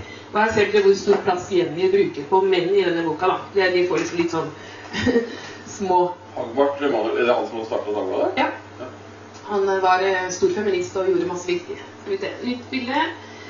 Eh, Miljøet i Kvinnesaksforeningen ble snart ramma av indre strid fordi enkelte, bl.a. Hagbart, eh, mente at det var greit med begrensa stemmerett for privilegerte kvinner. Altså, Man tenkte pragmatisk, rett og slett. tenkte det, det var så vanskelig å få dette til, og så mye motstand mot kvinnelig stemmerett, så man tenkte vi tar det ett skritt om gangen. Da kan de som har tilhører borgerskap eller har en mann som har en posisjon eller har mye penger, de kan få det først, og så kan vanlige damer få det etter hvert, sånn som man gjorde med menn, faktisk. Men uh, Gina sa nei, ikke søren. De samme politiske rettigheter må gjelde for alle borgere uansett kjønn, og hun var veldig, veldig tydelig på det. Hun hadde veldig store talegaver og var veldig smart, så da ble det vanskelig for motstanderne å på en måte late som hun ikke eksisterte, eller gjøre narr av henne sånn som de gjorde med andre. Et nytt bilde. Så ble hun redaktør av eh, Nylende, en eh, kvinnesaksavis. Eh, Og i 1913 så ble Norge et av de aller første landene i Europa hvor kvinner fikk allmenn stemmerett, og det har Gina Krogh en veldig stor del av æren for. Og så siste bilde. Hun var redaktør for Nylende helt til hun døde av influensa, 69 år gammel. Da ble hun den første kvinne i Norge gravlagt på statens bekostning. Så hun fikk en liten opp... Eh, litt oppgradering, eller litt hun ble, hun, ja, oppreisning på slutten. Og den statuen der den står på vår prinsesse gravlund fremdeles. Eh, Og er eh, ja, det er en fin historie. De, ungdommen, jeg snakker til ungdommen, så blir de mest forbausa over at man kan dø av influensa. Men Så det er Marina. Da kan man gå på uh, Stansen. Ja, jeg vet ikke hvor Har du Følger du med på klokka? eller? Ja, vi har egentlig mye tid, altså. Ja. Som eh, men vi June har engasjert eh, Ja. Så hvis du har eh, så, ork, så jeg, ja, når jeg snakka om at Gina ikke ble gjort narr av, sånn, så er det sånn jeg, i, I dagens ører så tenker man hvorfor skal man gjøre det egentlig, men det var jo det som var det vanlige. Det var jo noen Det var jo Kvinnesakskvinnene på den tida her blei jo utsatt for veldig mye hets. Um, det blir jo mange i dag også, men nå er, man trodde kanskje at det var, ikke eksisterte lenger. Men så kom internett, og så kommer det fram igjen, da. Men på den tida her så gjorde man jo altså Det var jo på i lederspaltene til Aftenposten og VG så, så gjorde man narr av disse damene. Særlig Oskar Hansten, som var kanskje den første som, uh, som første mm, ja, feministen som bortsett fra Camilla Collett, da. Hun kalte seg ikke liksom likestilling. Hun var jo en romanforfatter som skrev en feministisk bok, men hun her var den første som på en måte drev med det eh, ordentlig. Eh, hun ble født også, jeg født i Kristiania, og faren hennes var professor. Og han eh, hjalp henne sånn at hun kunne bli landets første profesjonelle kunstmalerinne. For det de kunstakademiene var stengt for kvinner, så hun måtte gå i privat lære. Og hun ble sendt da til eh, store kunstnere i Europa av faren. Dette bildet som hun maler her av sin egen far, det henger på Nasjonalgalleriet i Oslo. Hun malte portretter og var da eneste kvinne eh, som representerte Norge på verdensutstillingen i Paris i 1855. Så hun var tidlig ute. Hun var den første kvinnen som holdt offentlige foredrag i Norge, og de handla om kirkens kvinnesyn og kvinnens åndelige frigjøring. Um, folk hadde aldri eh, sett en kvinne på en talerstol, så mange kom for å bare gjøre narr av henne. De kom bare for å le og kaste ting på henne. Eh, og avisene stykka, tryk, trykka veldig stygge karikaturer av henne og, snakk, og skrev rett ut liksom, at, hun, eh, var, at det, dette mm, det politiske engasjementet handla jo om at hun var for stygg. Det får eh, faktisk jeg og Jenny også høre innimellom. At det må være for, altså, Når man er feminist, altså, og sånn, får man mail om at det er fordi man ikke får seg noe. Eller mye sånn overraskende. Har du mann? Åssen i all verden kan, du, kan det gå an med de meningene? Er det noen over 40 som uh, er ute? da? Eller for det er vel ingen under 40 som styrer med slike utdannelser? eller? Nei, jeg tror at altså det er veldig mye Nei, nå får jeg dårlig samvittighet, men det er mye menn, sånn, eh, menn som pusher 50, er det det de kaller det? Ja, ja. Eh, men eh, så det er, det, er, det, er jo, det er jo De fleste er jo ikke sånn. Men eh, hvis man får kanskje ti sånne i året, så, har man, så, så føles det så, ja, så var det ti for mye, da. Um, men hun gikk da ofte rundt i eh, byen med en paraply som hun brukte for å liksom, skremme bort de guttegjengene som plaga henne på gata. Hun ble kalt på Åsta med paraplyen i Oslo sentrum. Da selveste Camilla Collett advarte henne mot å opptre for ukvinnelig, svarte Åsta. Furier er også kvinner. Husk det, Camilla Collett. Så det er blitt en sånn uh, saying, da. Fra Åsta Hansten. Og så, etter å ha vært uthengt over lang tid, så reiste hun til USA nær sagt som en feministisk flyktning. Og hun jublet over sin nye frihet. Hadde det veldig gøy i USA, men vi vet veldig lite om hva som skjedde der. For det er ikke skrevet noen bok om oss Åsta, så det håper jeg det blir. Da, for det, det, hun var der ni år. Så gikk hun tom for penger og måtte reise hjem igjen. Og da kom hun hjem, da hun kom tilbake til Norge, hadde stemningen rundt kvinnesaken snudd. Altså, da hadde det skjedd noe. Da hadde den første bølgen med disse 1880-feministene dukka opp. Og nå ble hun sett på som en pioner og hyllet av alle disse litt yngre damene. I dag er Åsta Hansten mest kjent som navnet på en oljeplattform i Nordsjøen. Det er alltid litt sånn slutt, triste slutter på disse historiene. Så det Ja, og bringer masse penger inn til landet i hvert fall. da. Ja, gjør det. Her har vi viser litt åssen Jenny har jobba. Hun har fått også, sånn som Øyvind sender liksom research og bilder og sånn. Og da har jeg sendt bilder av alle disse damene, og så har hun eh, ja, så er det jo noen Det er jo noen hele liv. Da, hun forandrer, vi går jo liksom ofte fra å være barn eller unge til å bli eldre. Her er det et, et, et litt ikonisk foto av uh, krigsreporter Gerda Grepp, som, uh, som dekka den spanske borgerkrigen, blant annet. Og som døde av tuberkulose bare i 30-åra. Men det var hun og Lise Lindbekk som var Norges første kvinnelige krigsreportere. Kan du si litt om, i den grad du er kjent med det, hva slags teknikk Jenny jobber i? Det virker veldig digitalt, kanskje? Ja, det er det jo. Altså, det er jo en, som dere ser, veldig naivistisk strek. Og hun jobber jo bare på Eller ja, hun har tegnebrett. Og hun, men hun tegner også på papir og tar bilde av det. Ja, Stemmer. Eller ja, ja. tegner over. Mm. Stemmer. Så, men jeg, jeg, kan veldig lite om det, og vi, vi, vi samarbeider på en Altså, jeg, jeg, jeg har veldig lite å Hun styrer den biten, og jeg styrer den andre. Men det blir jo veldig klar, en veldig klar strek her. Mm. Uh, og det gjør jo um, det, det vil jo på en måte være med å forenkle eh, Forenkle både lesinga og uttrykket og gjøre det for så vidt tydeligere. og derfor kan du Sannsynligvis så vil det da bety at både unge og gamle vil ha stor glede av å lese dette. for at du, du, Det er såpass eh, ja, en åpen og, og enkel stil. da. Ja, og det, vi har jo både denne boka her og den som kommer, eh, samarbeida med en forening som heter Lesersøkerbok, som, eh, som blander seg inn si, eh, både i tekst og bilde. Og, og det handler om at det, skal være for svake lesere også. Det betyr ikke at det bare er for svake lesere. Det, en, den, det passer hvis du, en, hvis du er voksen og leser den, så tror jeg ikke du liksom tenker så mye over det. At, eh, men, men de har jo jobba med at det er ganske eh, De har tatt bort alle vanskelige ord. eh, Skri, skriver om sånn at det ikke blir for lange setninger. Og stor skrift, eh, eller ja, i hvert fall tydelig skrift. Og, og eh, den typen eh, Innimellom så de, de har ikke så mye å si på tegningene, men de har gjort litt sånn hvis det er dårlig, hvis det er noe med kontrasten eller, eller bakgrunnsfargen som gjør at det kan være vanskelig å lese. Så, så det er gjennomgående. Her ser vi Norges første kvinnelige professor, Kristine Bonnevie, som var biol marinbiolog. Ja, det bærer deg på tre ganger. Ja.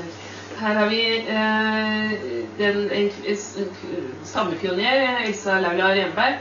Hun eh, var den som eh, Nå er det 6. februar, vi har nasjonaldag, eh, samene. Det er pga. at eh, Elsa Laula Renberg da satte i gang en stor eh, eh, samekonferanse som samla på en måte for første gang eh, svenske, danske og norske samer. Var Ikke danske, jeg mente finske. Ja, danske samme. Altså, på samme, for sikkert alle danske samer.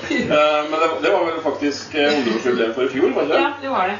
Og da fikk hun en del oppmerksomhet, hun Renberg. Men, men, det har, eh, men hun er ikke så kjent utafor Men hun er veldig kjent i, i samemiljøet. Men, hun da Hun gjorde veldig store, viktige ting for eh, Og var altså første samekvinne som skrev en bok. og og eh, første som sto på talerstolen osv. Her hadde vi et lite problem, for dette, som dere ser så var det dette svart-hvitt-bildet. Vi hadde et par sånne bilder å ta utgangspunkt i. Og da tegna Jenny da denne samekofta sånn som hun eh, trodde den så ut. Det var jo Sørsamme. Ja, det var, det var, jeg fikk jo sånn Jeg har en eh, venninne som er same, da, og hun bare «Er- Hallo, det er ikke lov med gult på, den, på en sånn kofte. Det var liksom, eller det var et eller annet med grønt eller gult som var helt feil, liksom. Og vi bare Nei, ok, det var bare en liten detalj, men det var liksom så veldig ulovlig for sørsamer med den eh, Så det var Skylde på fargelegeren i Latvia. Men vi har, vi har jo kommet i mange opplag, så vi har fått fiksa på det, da. Så det. Så det, hvis man har her, så kan man altså ha en feil eh, farge på samedrakta. Ja. Det høres ut omtrent ut som måtte tegne telemarksbunader. Det er mange faggrupper, altså. Ellers er det neste her er eh, Gunvor Hofmo, eh, poeten, som Ja, der er det et mer melankolsk uttrykk på det hele, da. Og hvis du ser neste bilde der igjen også, så, så er det Hun var jo innlagt på Gaustad i veldig mange år, så jeg Å, ja. har jo også brukt eh, den typen bilder og tegneter. For der er jo fotorefer- fotorefer- fotoreferanse på eh, bygningen. Mm. Var, Apropos tegning, altså det vi hadde for dette det var jo noen ting med, Hvis du tar neste her, så ser du hva jeg skrev på mail til eh, Jenny i forbindelse med denne Birgit Nissen. Birgit Nissen var eh, en eh, journalist i eh, arbeiderbevegelsesaviser. Eh, og drev med sånn eh, Var en del av den illegale pressen eh, når krigen kom. Så hun ble sendt til eh, kvinneleiren. Eh, og da var hun vel i ja, 30-åra og hadde jo ikke noe spesielt kjent navn.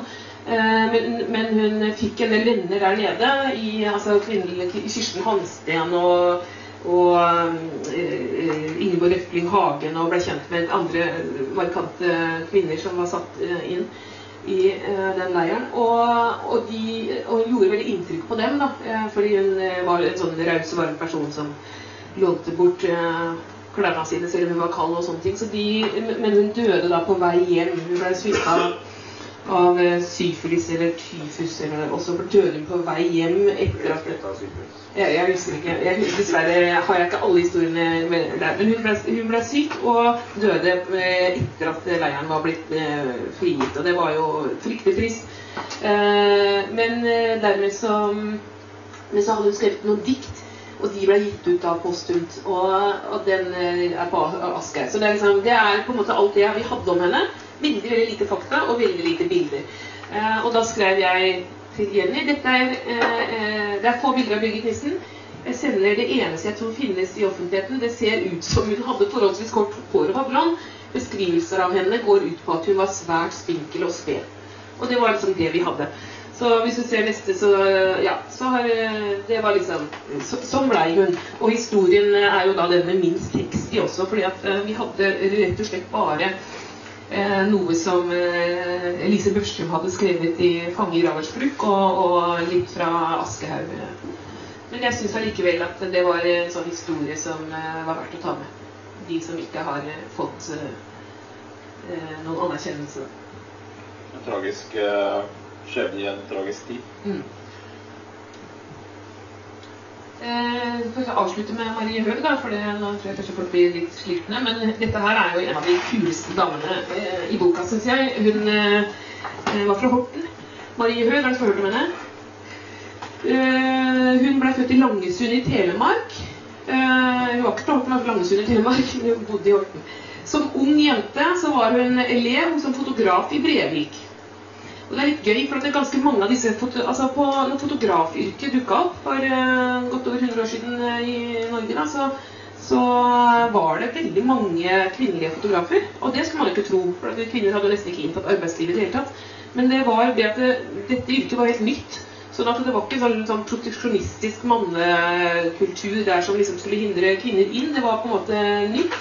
Det var dessuten kobla veldig til det med familie. altså Man tok bilder i fotostudio av familiene sine. Det ble sett på som noe som handla om eh, hjemmet da, på mange måter. Man syntes også at eh, kvinner hadde estetisk blikk og sans selvfølgelig, og små fingre, så det var liksom lett å øh, jobbe med disse apparatene og sånn. Så det var liksom mange ting som gjorde at fotografyrket ble da et kvinneyrke de første åra.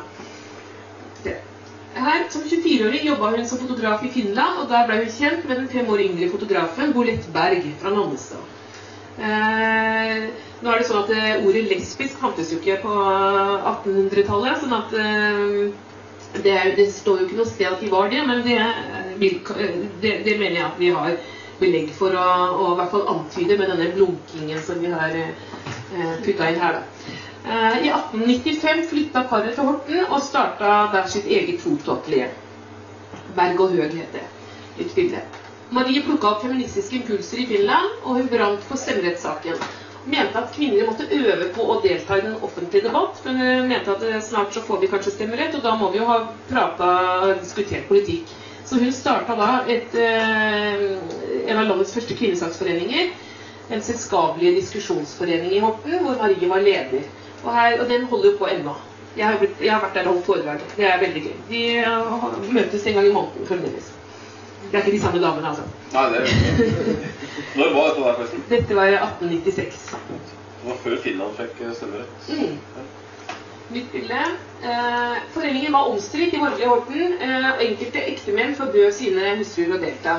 De frykta at kvinnesak og likestilling ville føre til umoral og brutte ekteskap. De hadde litt, litt rett i det, da. For så vidt. Sånn. sikkert eh, lest Ibsen. Marie engasjerte seg stadig sterkere i debatten om kvinners stemmerett, eh, og da hun var 47 år gammel, blei kampen endelig krona med seier. Her på sine eldre dager bosatte Marie og Bolett seg på en gård på Hadeland. Her drev de med kaninavl. De to levde sammen i over 50 år. På midten av 1990-tallet så ble det oppdaga en eske med glassnegativer merket 'privat' i låven. Det viste seg at Marie og Colette hadde lekt seg med fotoapparatet på kveldstid. På disse bildene eh, poserer kortklipte Marie Vågal i undertøy og herreklær med bart, røyk og drammeglass. Marie Høeg var ikke bare politisk forholdskvinne, hun var også en queer-pioner. Og så har jeg da eh, PS her, Facebook-gruppa, Den selskapelige diskusjonsforening. Den eh, har eh, i dag over 6000 medlemmer. Der diskuterer man eh, jevnlig. Så kan du se de bildene fra den boksen. Det er helt fantastiske. Er eh, litt, eh, nesten bra at man ikke fant dem før på 90-tallet. For det hadde, altså jeg tror det hadde vært upopulært i Horten med, med så queer stil. Men uh, veldig kul dame. Ja, da takker vi for det, Morten, for å ha fått uh, gjennomgang av bøkene dine. Så ser vi fram til neste storselger. Kommer du? Eh, apropos storselgere. Vi har jo, altså Øyvind og Martha har jo tatt med seg eh, utgivelsene sine. Ikke jeg kan si noe om det? De ligger her Ja, de ligger der. og kan Blasi selger dem for 200 kroner stykk. Eller prisen, hvis noen er interessert det. Eh, Do- Donald-boka koster 300. Den er jo gnient forlag som gjør er ikke så raus med rabatten til forvalter. Vestlendinger, det. Ja, stemme. Si noe det er, det er tegneserieutgivelsen vi har. der. Ellers så kan jo alle så klart stilles på nærmeste bokhandel. Eller lånes på biblioteket. Jeg, jeg, har, eh, jeg har fått observert at eh, flere av bøkene er tilgjengelige på biblioteket på Garm. De er sikkert utlånt. Stjålet. Drabant, Drabant er mye stjert på biblioteket. har jeg hørt. Sjøl så fikk jeg tak i eh, 60 damer-boka på faktisk 200 kroner jeg, på eh, bokhandelen nå. Ja. Så det er mulig å få gode kjøp på bokhandelen nå, altså. Men eh, hvis jeg kan ikke tenke på å ta med 12 1400 kroner hit for å ha en bøker i kveld, så Vi tar vips. Så er det bra. Ja vel. ehm, da vil jeg eh, eh, Jeg har noen spørsmål, forresten. Det kan ha vært veldig tause i kveld, egentlig. Jeg sitter her ute og fryser, kanskje. Det er litt sånn Det er små... Det er litt sånn småkjølig her. Ja, noen som var der nå. Tre kvarter nå, tenker jeg. Ja, bare kjør på. Ja, har dere noen ting dere kan eh, stusse på underveis, eller ting som dere kan, eh, spørsmål kan som dukke opp? Det er bestandig ikke at Hver gang du spør om det, så, eh, så tror du at du ikke kjenner noe, så akkurat det du skal avslutte, så plutselig så er det en som tør å rekke opp hånda, og da er det akkurat for seint, liksom. Derfor så eh, Vi kan jo spørre privat. Ja da, nå har vi nå sett med en sånn liten uh, runde her. Jeg vil i hvert fall uh, takke dere begge to for at dere kom og uh, tok turen hit. Og så eh, for en interessant uh, samtale. Iallfall for min del. Håper jeg kan andre i publikum kanskje hadde glede av dette her. Um, og så blir dere tilgjengelig her nå uh, for de som eventuelt måtte spørre om ting. Og så vil jeg da selvfølgelig minne om at uh, den 19. februar så er det Arne som uh, skal eh, fortelle om sitt arbeid.